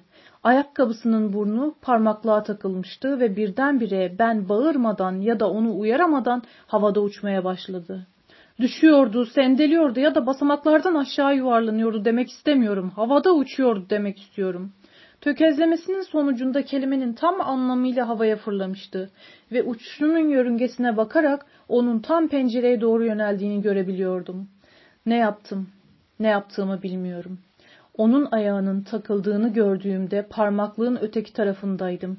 Ama kızım parmaklıkla pencere arasındaki uzaklığın ortasına vardığında ben kendimi merdivenin son basamağında buldum. Oraya nasıl ulaşmıştım? Aslında bir metre bile yoktu arada ama uzaklığı o kadarcık zamanda aşmak pek mümkün görünmüyordu. Yani ölçülemeyecek kadar kısa bir sürede. Her nasılsa oraya ulaşmıştım. O anda başımı kaldırıp yukarı baktım, kollarımı açtım ve kızımı yakaladım. 14 yaşındaydım. Annemle babam beni arka arkaya 3 yıldır New York'taki bir yaz kampına gönderiyorlardı. Zamanımın büyük bölümünü basketbol ve beyzbol oynayarak geçiriyordum ama kamp kız erkek karışık olduğundan başka aktiviteler de vardı. Akşam toplantıları, kızlarla ilk acemiyle el tutuşmalar, bacaklarını dikizlemeler, yetişkinlerin genelde yaptıkları saçmalıklar.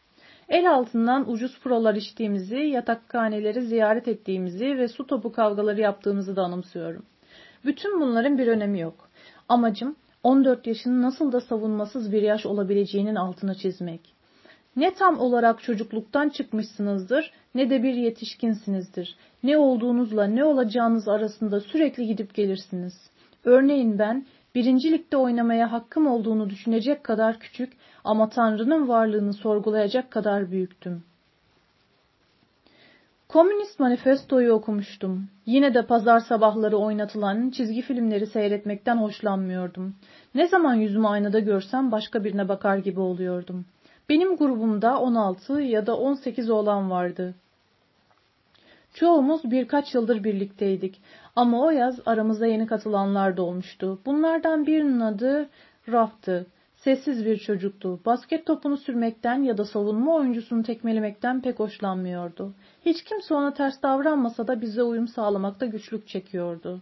O yıl birkaç dersten kalmıştı ve boş derslerinden çoğunu kamp liderlerinden birinin yanında geçiriyordu.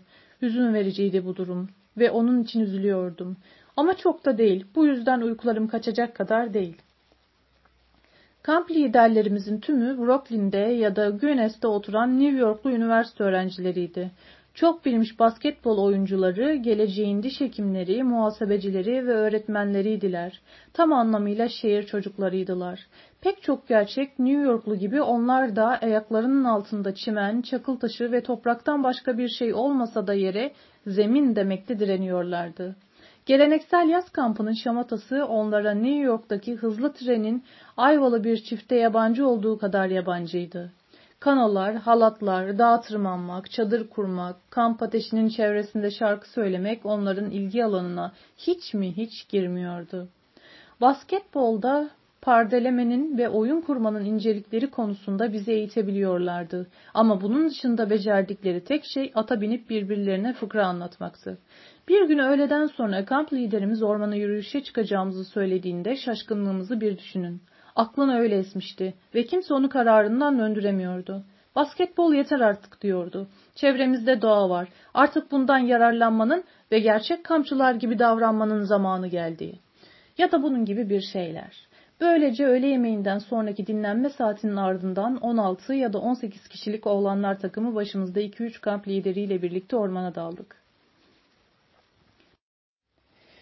1961 yılının Temmuz ayının sonlarıydı. Herkesin neşesinin yerinde olduğu kalmış aklımda. Yürüyüşe başlayalı yarım saat olduğunda bu planın iyi bir fikir olduğu herkes görüş birliğine varmıştı. Hiç kimsenin yanında pusula yoktu elbette ya da nereye gittiğimiz hakkında en ufacık bir yol gösterici. Ama hepimiz eğleniyorduk.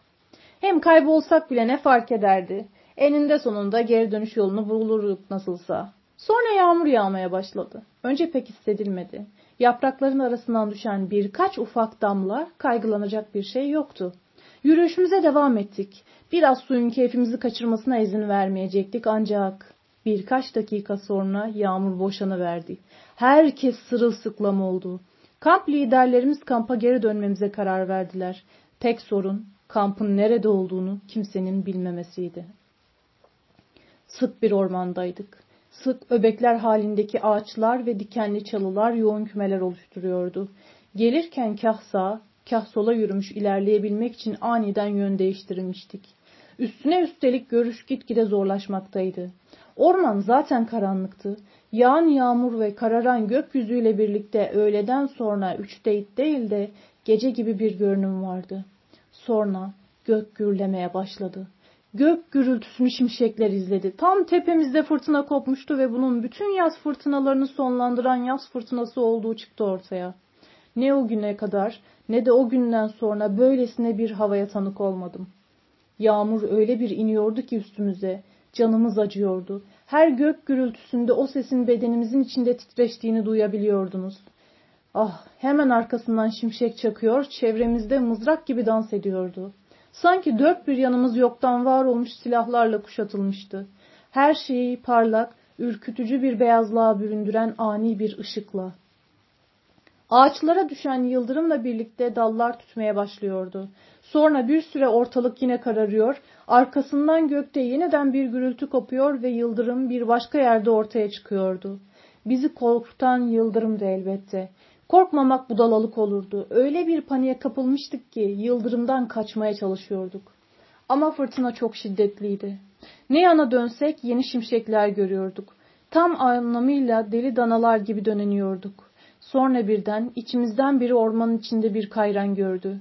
Açık havaya çıkmanın mı yoksa ağaçların altında kalmanın mı daha güvenli olduğu konusunda kısa bir tartışma çıktı aramızda.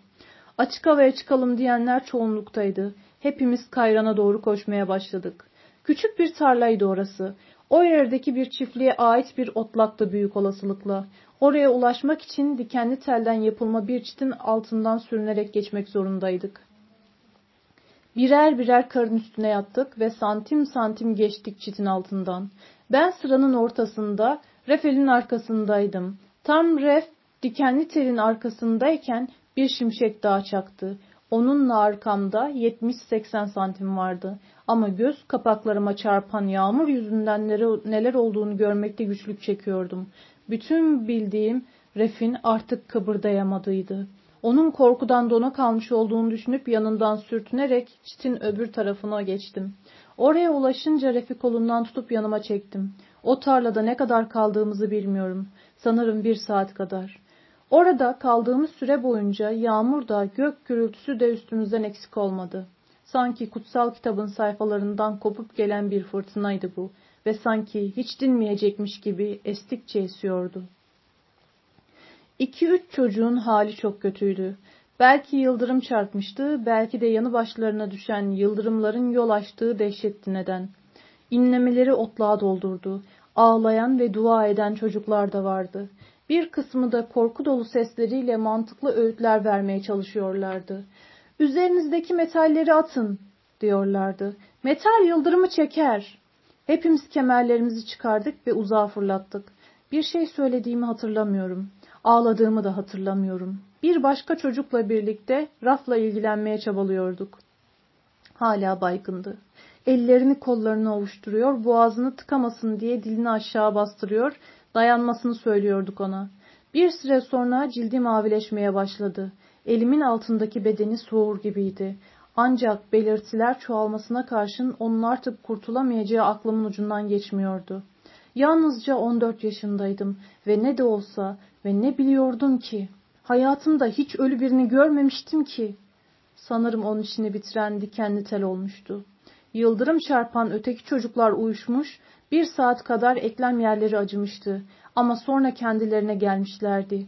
Oysa yıldırım düştüğünde ref çitin tam altındaydı ve elektrik çarpmasıyla oracıkta ölmüştü. Daha sonra bana onun öldüğü söylendiğinde refin sırtında 20 santimlik bir yanık olduğunu öğrendim. Bu haberi özümsemeye çalışırken hayatın benim için bir daha asla eskisi gibi olmayacağını düşündüğümü anımsıyorum. Ne tuhaftır ki bu olay olduğunda benim de onun yanı başında bulunduğum hiç aklıma gelmedi. Bir iki saniye farkla o ölünün ben olabileceğimi hiç düşünmedim. Tek düşündüğüm Ref'in dilini bastırmak ve dişlerine bakmaktı. Ref'in yüzünde belli belirsiz bir gülümseme vardı. Aralık duran dudaklarının arasından görünen dişlerin uçlarına bakarak bir saat geçirmiştim. 34 yıl sonra o dişleri hala anımsıyorum ve yarı açık, yarı kapalı gözlerini. Onları da anımsıyorum. Birkaç yıl önce Brüksel'de yaşayan bir kadından bir mektup aldım. Mektupta bana bir arkadaşının çocukluğundan beri tanıdığı bir erkeğin öyküsünü anlatıyordu. Bu adam 1940 yılında Belçika ordusuna yazılmış. Aynı yıl ülkesi Almanların eline geçince adam tutuklanıp bir savaş tutsakları kampına konulmuş. 1945 yılında savaş bitene kadar da kampta kalmış. Tutukluların Belçika'daki Kızıl Haç görevleriyle mektuplaşma hakları varmış. Bu adama da rastgele bir mektup arkadaşı verilmiş.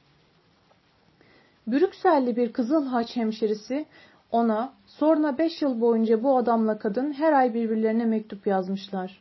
Zaman geçtikçe yakın arkadaş olmuşlar. Bir gün gelmiş, bunun ne kadar zaman aldığını tam bilemiyorum. Aralarında arkadaşlıktan öte bir şey gelişmiş olduğunu fark etmişler.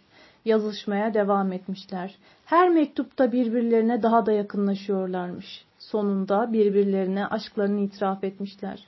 Böyle bir şey mümkün olabilir miydi? Birbirlerini hiç görmemişler. Bir dakika bile birlikte olmamışlar. Savaş bitince adam özgürlüğüne kavuşmuş ve Brüksel'e dönmüş. Hemşireyle buluşmuşlar ve ikisi de hayal kırıklığına uğramamış. Kısa bir süre sonra da evlenmişler. Aradan yıllar geçmiş, çocukları olmuş, yaşlanmışlar. Dünya eskisinden biraz farklı bir dünya olmuş.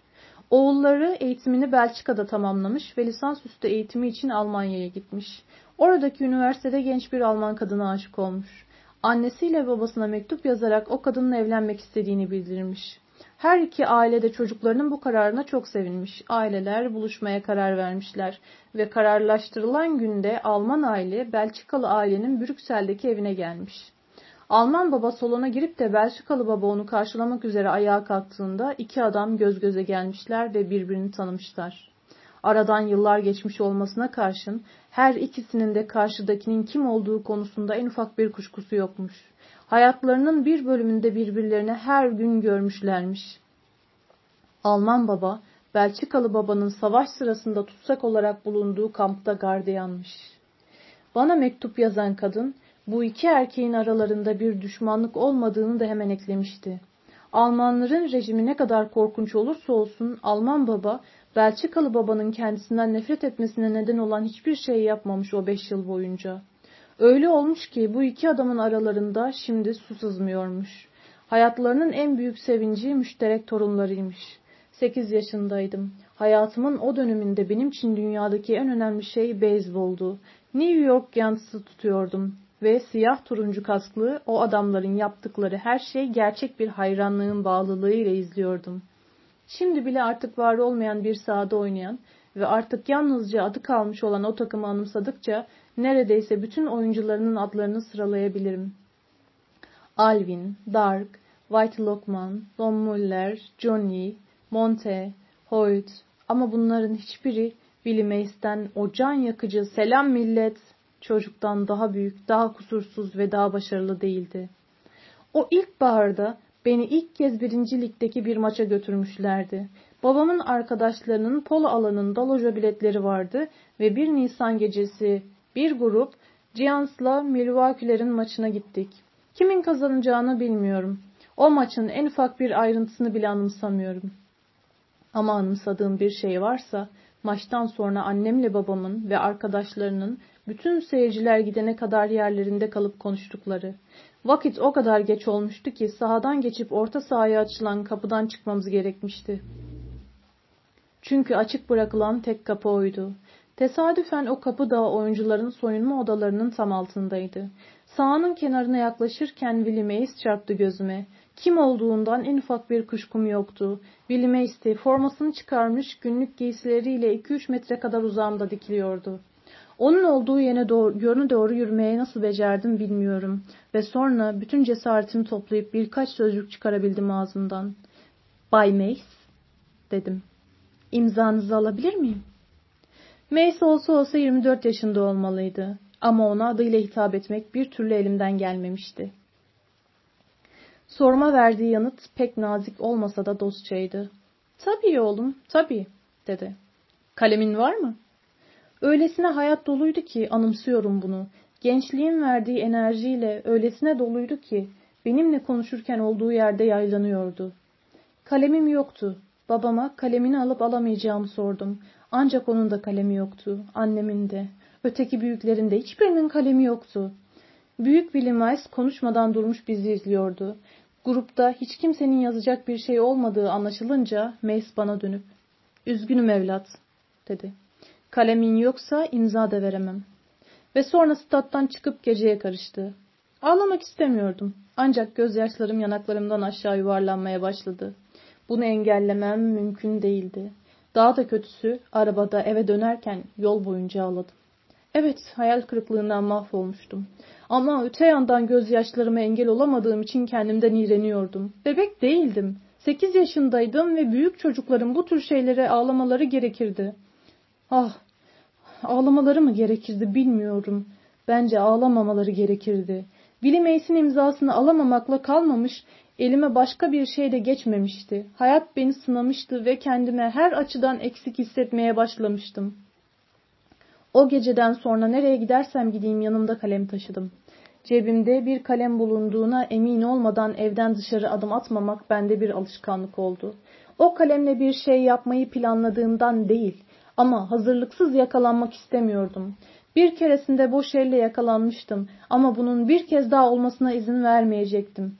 Geçen yıllar en azından bana şunu öğretti. Cebinde bir kalem varsa büyük olasılıkla bir gün onu kullanmaya başlamak gerekecektir.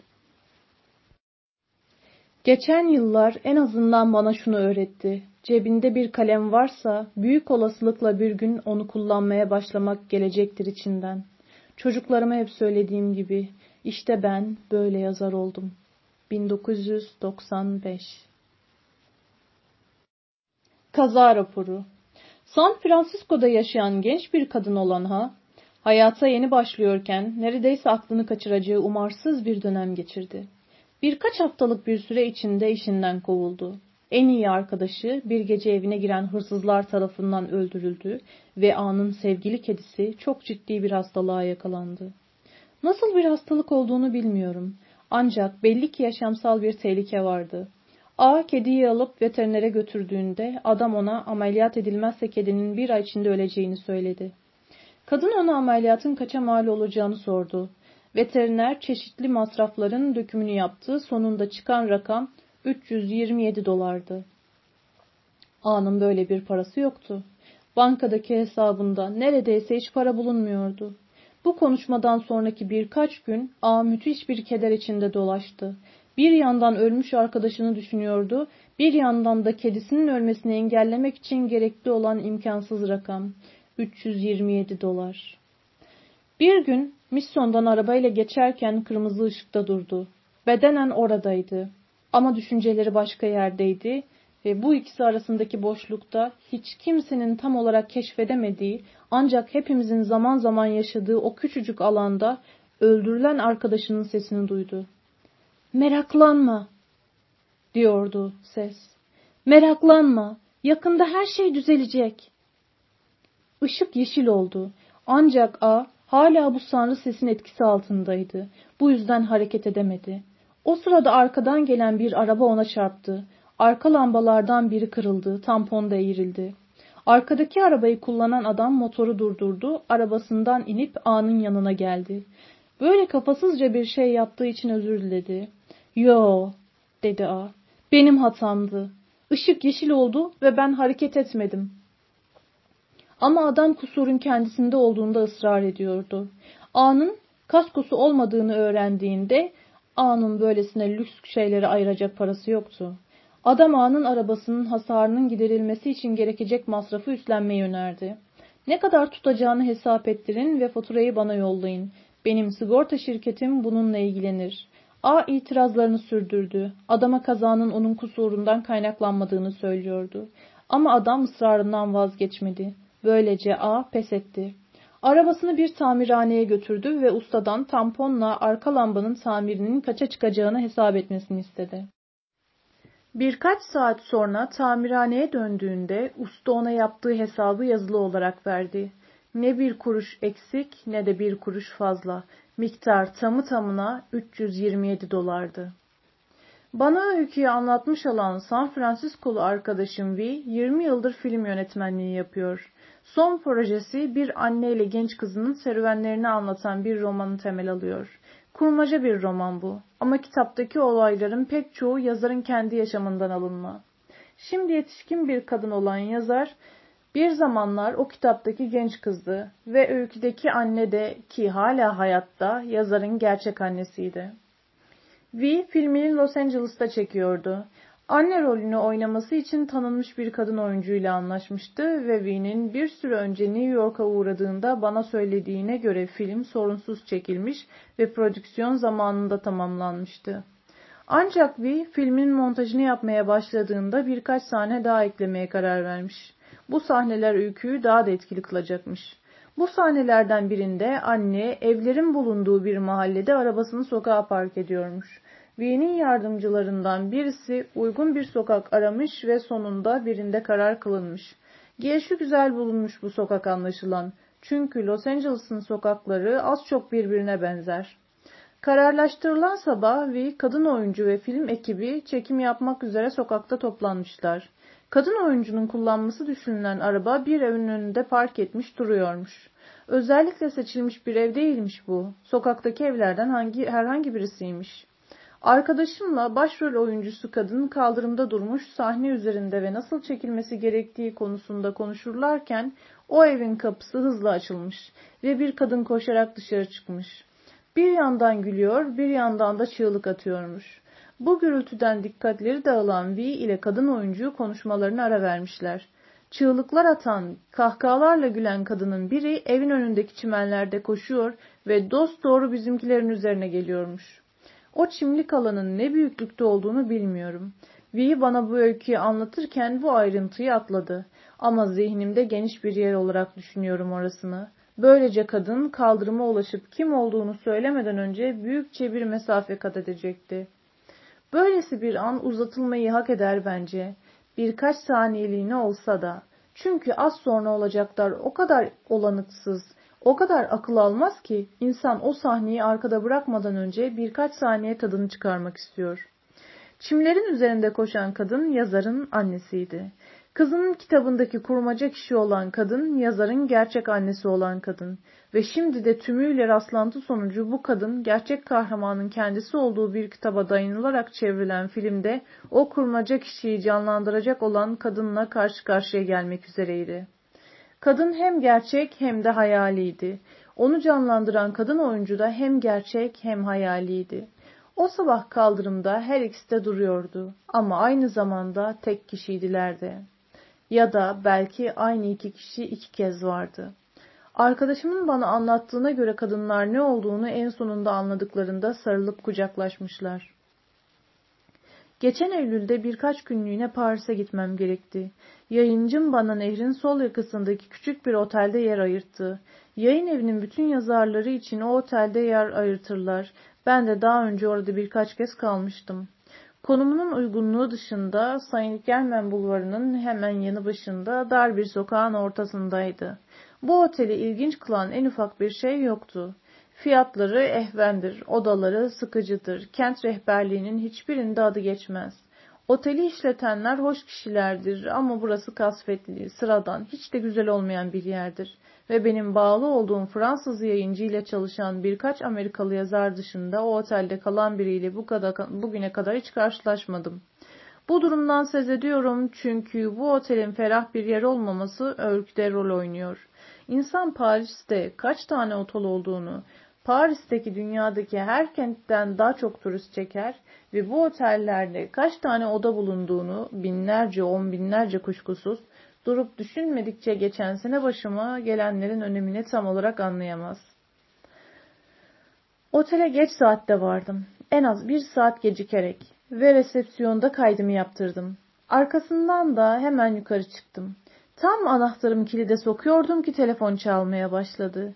Odaya girdim. Çantamı yere attım ve yatağın hemen yanında aşağı yukarı yastık düzeyinde duvarın içindeki bir grintiye yerleştirilmiş olan telefonu elime aldım. Telefon yatağa dönük olduğundan, kordonu kısa geldiğinden ve odadaki tek iskemle erişemeyeceğim için bir uzaklıkta durduğumdan telefonu kullanmak için yatağın üzerine oturmam gerekiyordu. Ben de aynen öyle yaptım. Telefonun öteki ucundaki kişiyle konuşurken odanın karşı tarafında masanın altına duran bir kağıt parçası çarptı gözüme. Odanın içinde başka bir yerde duruyor olsaydım o kağıdı göremezdim. Odanın boyutları öylesine küçüktü ki masayla yatağın ayak ucu arasında ancak bir buçuk metre kadar bir uzaklık vardı. Yatağın baş ucundaki görece üstün konum bana masanın altında ne olduğunu görebileceğim kadar dar bir açı sağlayan tek yerde odada. Konuşmam bitince yataktan kalktım, masanın altında yere çömeldim ve kağıdı aldım. Meraklıydım elbette. Her zamanki gibi meraklıydım. Ama olağanüstü bir şeyle karşılaşmayı da beklemiyordum. Kağıt parçasının Avrupa'da, Avrupa'daki otellerde kapının altından atılan şu küçük mesaj kağıtlarından biri olduğu çıktı ortaya. Kime, kimden, tarih, saat, altında da nota yazmak için boş bir bölüm. Kağıt üçe katlanmıştı. Üste kalan yüzünde büyük hareketlerle en yakın arkadaşımdan birinin adı yazılıydı. Birbirimizi pek sık görmeyiz. O Kanada'da yaşıyor. Ama birlikte unutulmaz anlar geçirdik. Aramızda büyük bir sevgiden başka bir şey de yok. Onun adını not kağıdının üzerinde görmek beni çok sevindirdi. Bir süredir hiç görüşmemiştik ve benim Paris'te bulunduğum sırada da onun da orada olacağı hiç aklıma gelmemişti. O kağıdı bulduğum ve ne olduğunu anlayamadığım o bir, birkaç saniye boyunca onun benim Paris'e geleceğimi nasıl haber aldığını ve oteli arayıp bana bir mesaj bıraktığını sandım. Mesaj odama getirilmiş ancak kim getirdiyse masanın kenarına bırakmış. Kağıt da aynı yerde düşmüş. Ya da odayı benim için hazırlayan kişi oda hizmetçisi yani kağıdı kazayla yere düşürmüştü. O kağıdı bulduğum ve ne olduğunu anlayamadığım o ilk birkaç saniye boyunca onun benim Paris'e geleceğimi nasılsa haber aldığını ve oteli arayıp bana bir mesaj bıraktığını sandım. Mesaj odama getirilmiş ancak kim getirdiyse masanın kenarına bırakmış, kağıt da oradan yere düşmüştü. Ya da odayı benim için hazırlayan kişi, oda hizmetçisi yani, kağıdı kazayla yere düşürmüştü. Hangisi olursa olsun bu açıklamalar yeterince akla yakın değildi. Açı yanlıştı. Kağıt yere düştükten sonra biri onu ayağıyla itmediği sürece masanın altında o kadar uzağa gitmiş olamazdı. Bu varsayımımın üzerinden yeniden geçmeye başlamıştım ki daha önemli bir şey geldi aklıma. Onun adı mesaj kağıdının dış tarafındaydı. Eğer mesaj bana bırakılmış olsaydı dış tarafta benim adım olurdu. Kağıdın dış tarafına alıcının adı yazılırdı. Gönderinin değil. Eğer benim adım kağıdın dışında yoksa başka bir yerde de olamazdı. Kağıdı açıp mesajı okudum. Gönderen adını hiç duymadığım biriydi. Ama alıcı gerçekten de oydu. Alt kata koşup görevliye onun hala otelde olup olmadığını sordum. Budalaca bir soruydu ama yine de sordum. O odada değilse artık o nasıl otelde olabilirdi ki? Ben oteldeydim ve onun odası artık benim odamdı. Görevliye onun otelden ne zaman ayrıldığını sordum. Bir saat önce, dedi. Bir saat önce ben Paris'in merkezinin uzağında bir taksinin içinde sıkışık trafikteydim.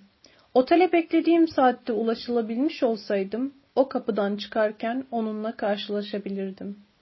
1999 Hiçbir anlamı yok. Onu ara sıra Keyle Oteli'nde görürdük.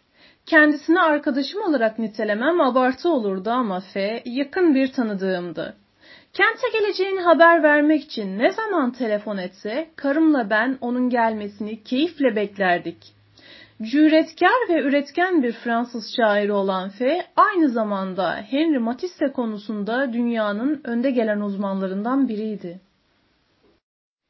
Aslında bu konudaki ünü o kadar büyüktü ki Fransa'daki önemli müzelerden biri olan Matisse eserinin sunulacağı büyük bir sergi düzenlemesini istemişti.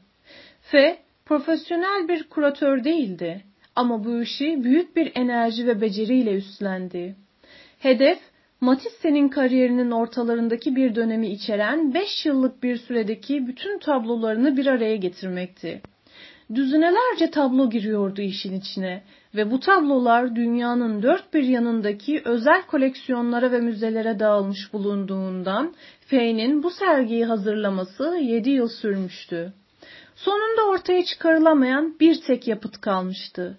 Ama çok önemli bir tabloydu o. Serginin bel kemiğini oluşturacak parçaydı.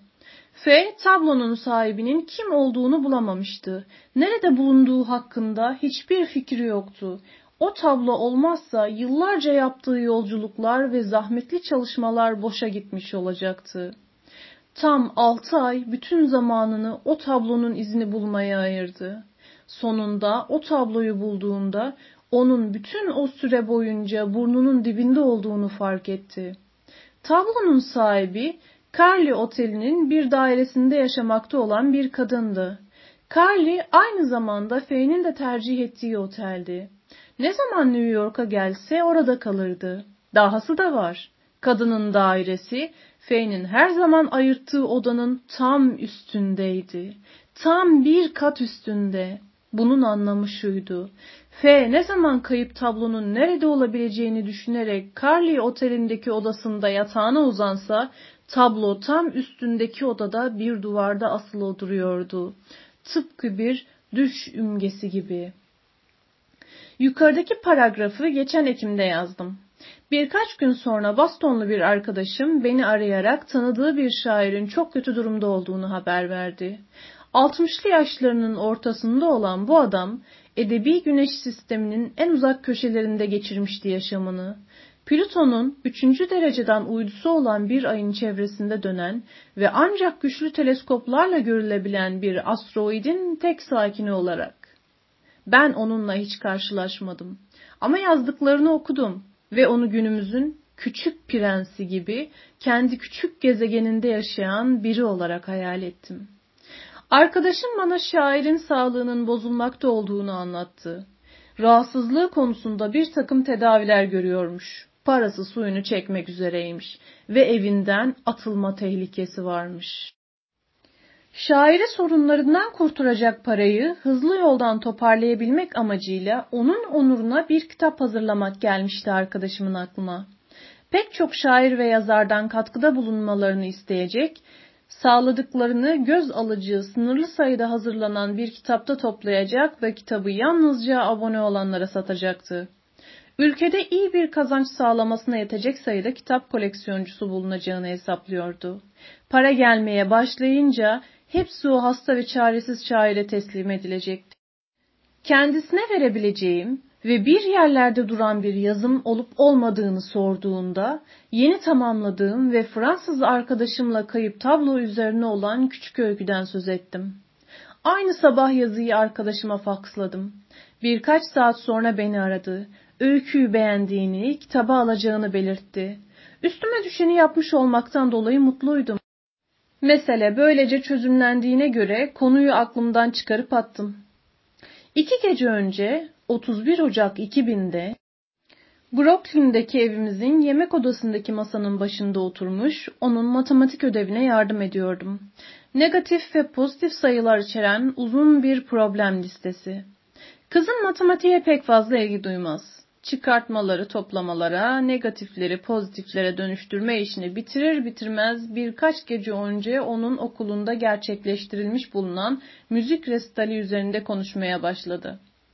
Kızım restalde Roberto Fleck'in eski bir parçasını çaldı. Yüzünü ilk gördüğümde adlı şarkıyı söyledi. Şimdi de ilk bardaki restalde söyleyeceği başka bir şarkı arıyordu. Bazı alışverişlerinden sonra kızımın söylemiş olduğu ağır tempolu ve hüzünlü balat yerine daha canlı ve neşeli hızlı tempolu bir şey sunmasında görüş birliğine vardık. Kızın birden oturduğu iskemleden fırladı.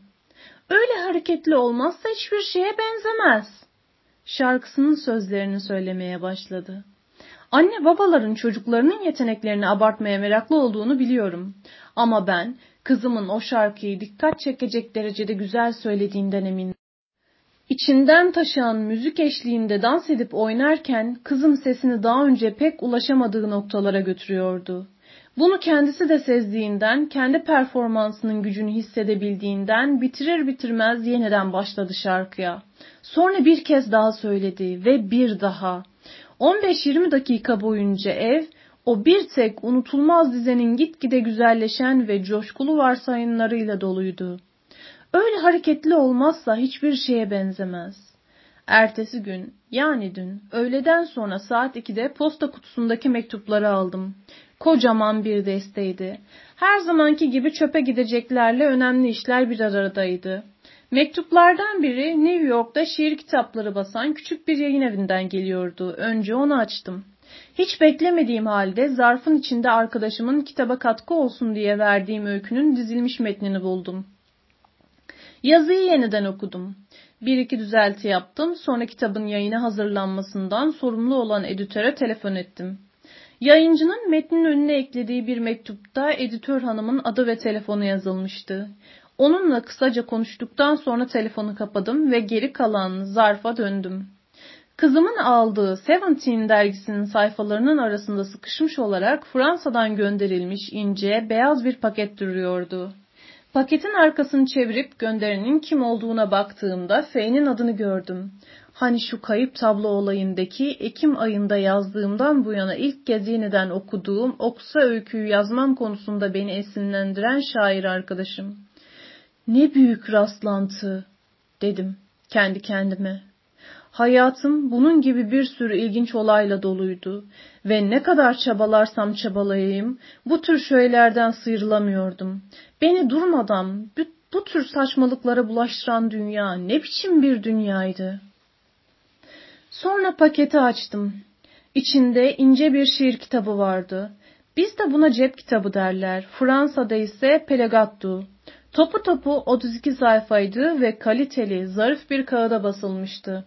Kitabın sayfalarını karıştırırken, şuradan bir dize, buradan bir dize okurken, F'nin yapıtlarını karakterize eden o coşkulu ve çılgın üslubu anında tanıdım.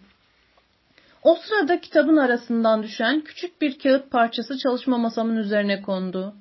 Kağıt olsa olsa 5 santim eninde ve 1 santim boyundaydı. Ne olduğu hakkında hiçbir fikrim yoktu. Daha önce yeni bir kitabın sayfaları arasında böyle bir kağıt parçası gördüğümü anımsamıyordum.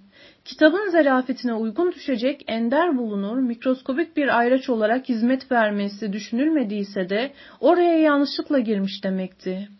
Yanlışlıkla kitabın arasına girmiş olan o dört köşe kağıt parçasını masamdan aldım. Arkasını çevirdim ve orada bir şey yazdığını gördüm. Bir tek satıra sıralanmış altı kısa sözcük. Şiirler Fransızca yazılmıştı. Kitap Fransa'da basılmıştı ama kitabın arkasından düşen kağıtta yazılı olan sözcükler İngilizceydi. Bir cümle oluşturuyordu. O cümle şuydu. Öyle hareketli olmazsa hiçbir şeye benzemez. Buraya kadar gelmişken bu bir dizi anekdota bir halka daha eklemek elimden gelmiyor. Yukarıdaki ikinci bölümün ilk paragrafının son cümlelerini yazarken günümüzün küçük prensi gibi kendi küçük gezegeninde yaşayan biri. Aklıma küçük prensin New York'ta yazılmış olduğu geldi. Bunu bilenlerin sayısı azdır ama Fransızların 1940 yılında aldığı yenilgiden sonra terhis edilince Amerika'ya gelen o adam ve bir süre Manhattan'da Güney Central Park'ta 240 numarada oturdu. Bu ünlü kitabı orada yazdı. Fransız çocuk kitaplarının en Fransız olanını. Küçük Prens. Amerikan liselerinde Fransızca öğrenen hemen her çocuğun zorunlu okuma kitabıdır ve benden önce daha nice öğrenci için olduğu gibi benim için de İngilizce dışındaki bir dilde okuduğum ilk kitap olmuştu. Başka Fransızca kitaplar okumayı sürdürdüm. Sonunda delikanlılık dönemimde hayatımı kazanmak için Fransızcadan kitaplar çevirdim. Hatta yaşamımın bir döneminde dört yıl Fransa'da kaldım. F'ye de orada rastladım ve yapıtlarını tanıdım. Biraz yakışıksız kaçabilir ancak ama şunu söylemem gerekiyor ki 1964 yılında bir yeni yetmeyken Küçük Prens'i okumamış olsaydım 37 yıl sonra F'nin kitabı bana gönderilmiş olmazdı. Bunu söylerken üzerinde öyle hareketli olmazsa hiçbir şeye benzemez yazan o güzellik kağıt parçasını da asla keşfetmiş olmazdım demek istiyorum. Güney Central Park 240 numaralı bina Columbus stilde bakan köşede yer alan tuhaf çarpık bir yapı. Yapımı 1941'de bitmiş. Pearl Harbor baskınından ve Amerika'nın savaşa girmesinden hemen önce de oturulmaya başlanmış. Saint o binaya ne zaman yerleştiğini bilmiyorum. Ama o binaya ilk taşınanlar arasında olmalı. En ufak bir anlamı olmayan bu tür tuhaf, ayrıksız şeylerden birinin sonuncu. Annem de o taşınanlardan biriymiş. 16 yaşındayken kız kardeşi, annesi ve babasıyla birlikte Brooklyn'de oraya taşınmış. 5 yıl sonra babamla evlenene kadar da orada yaşamış.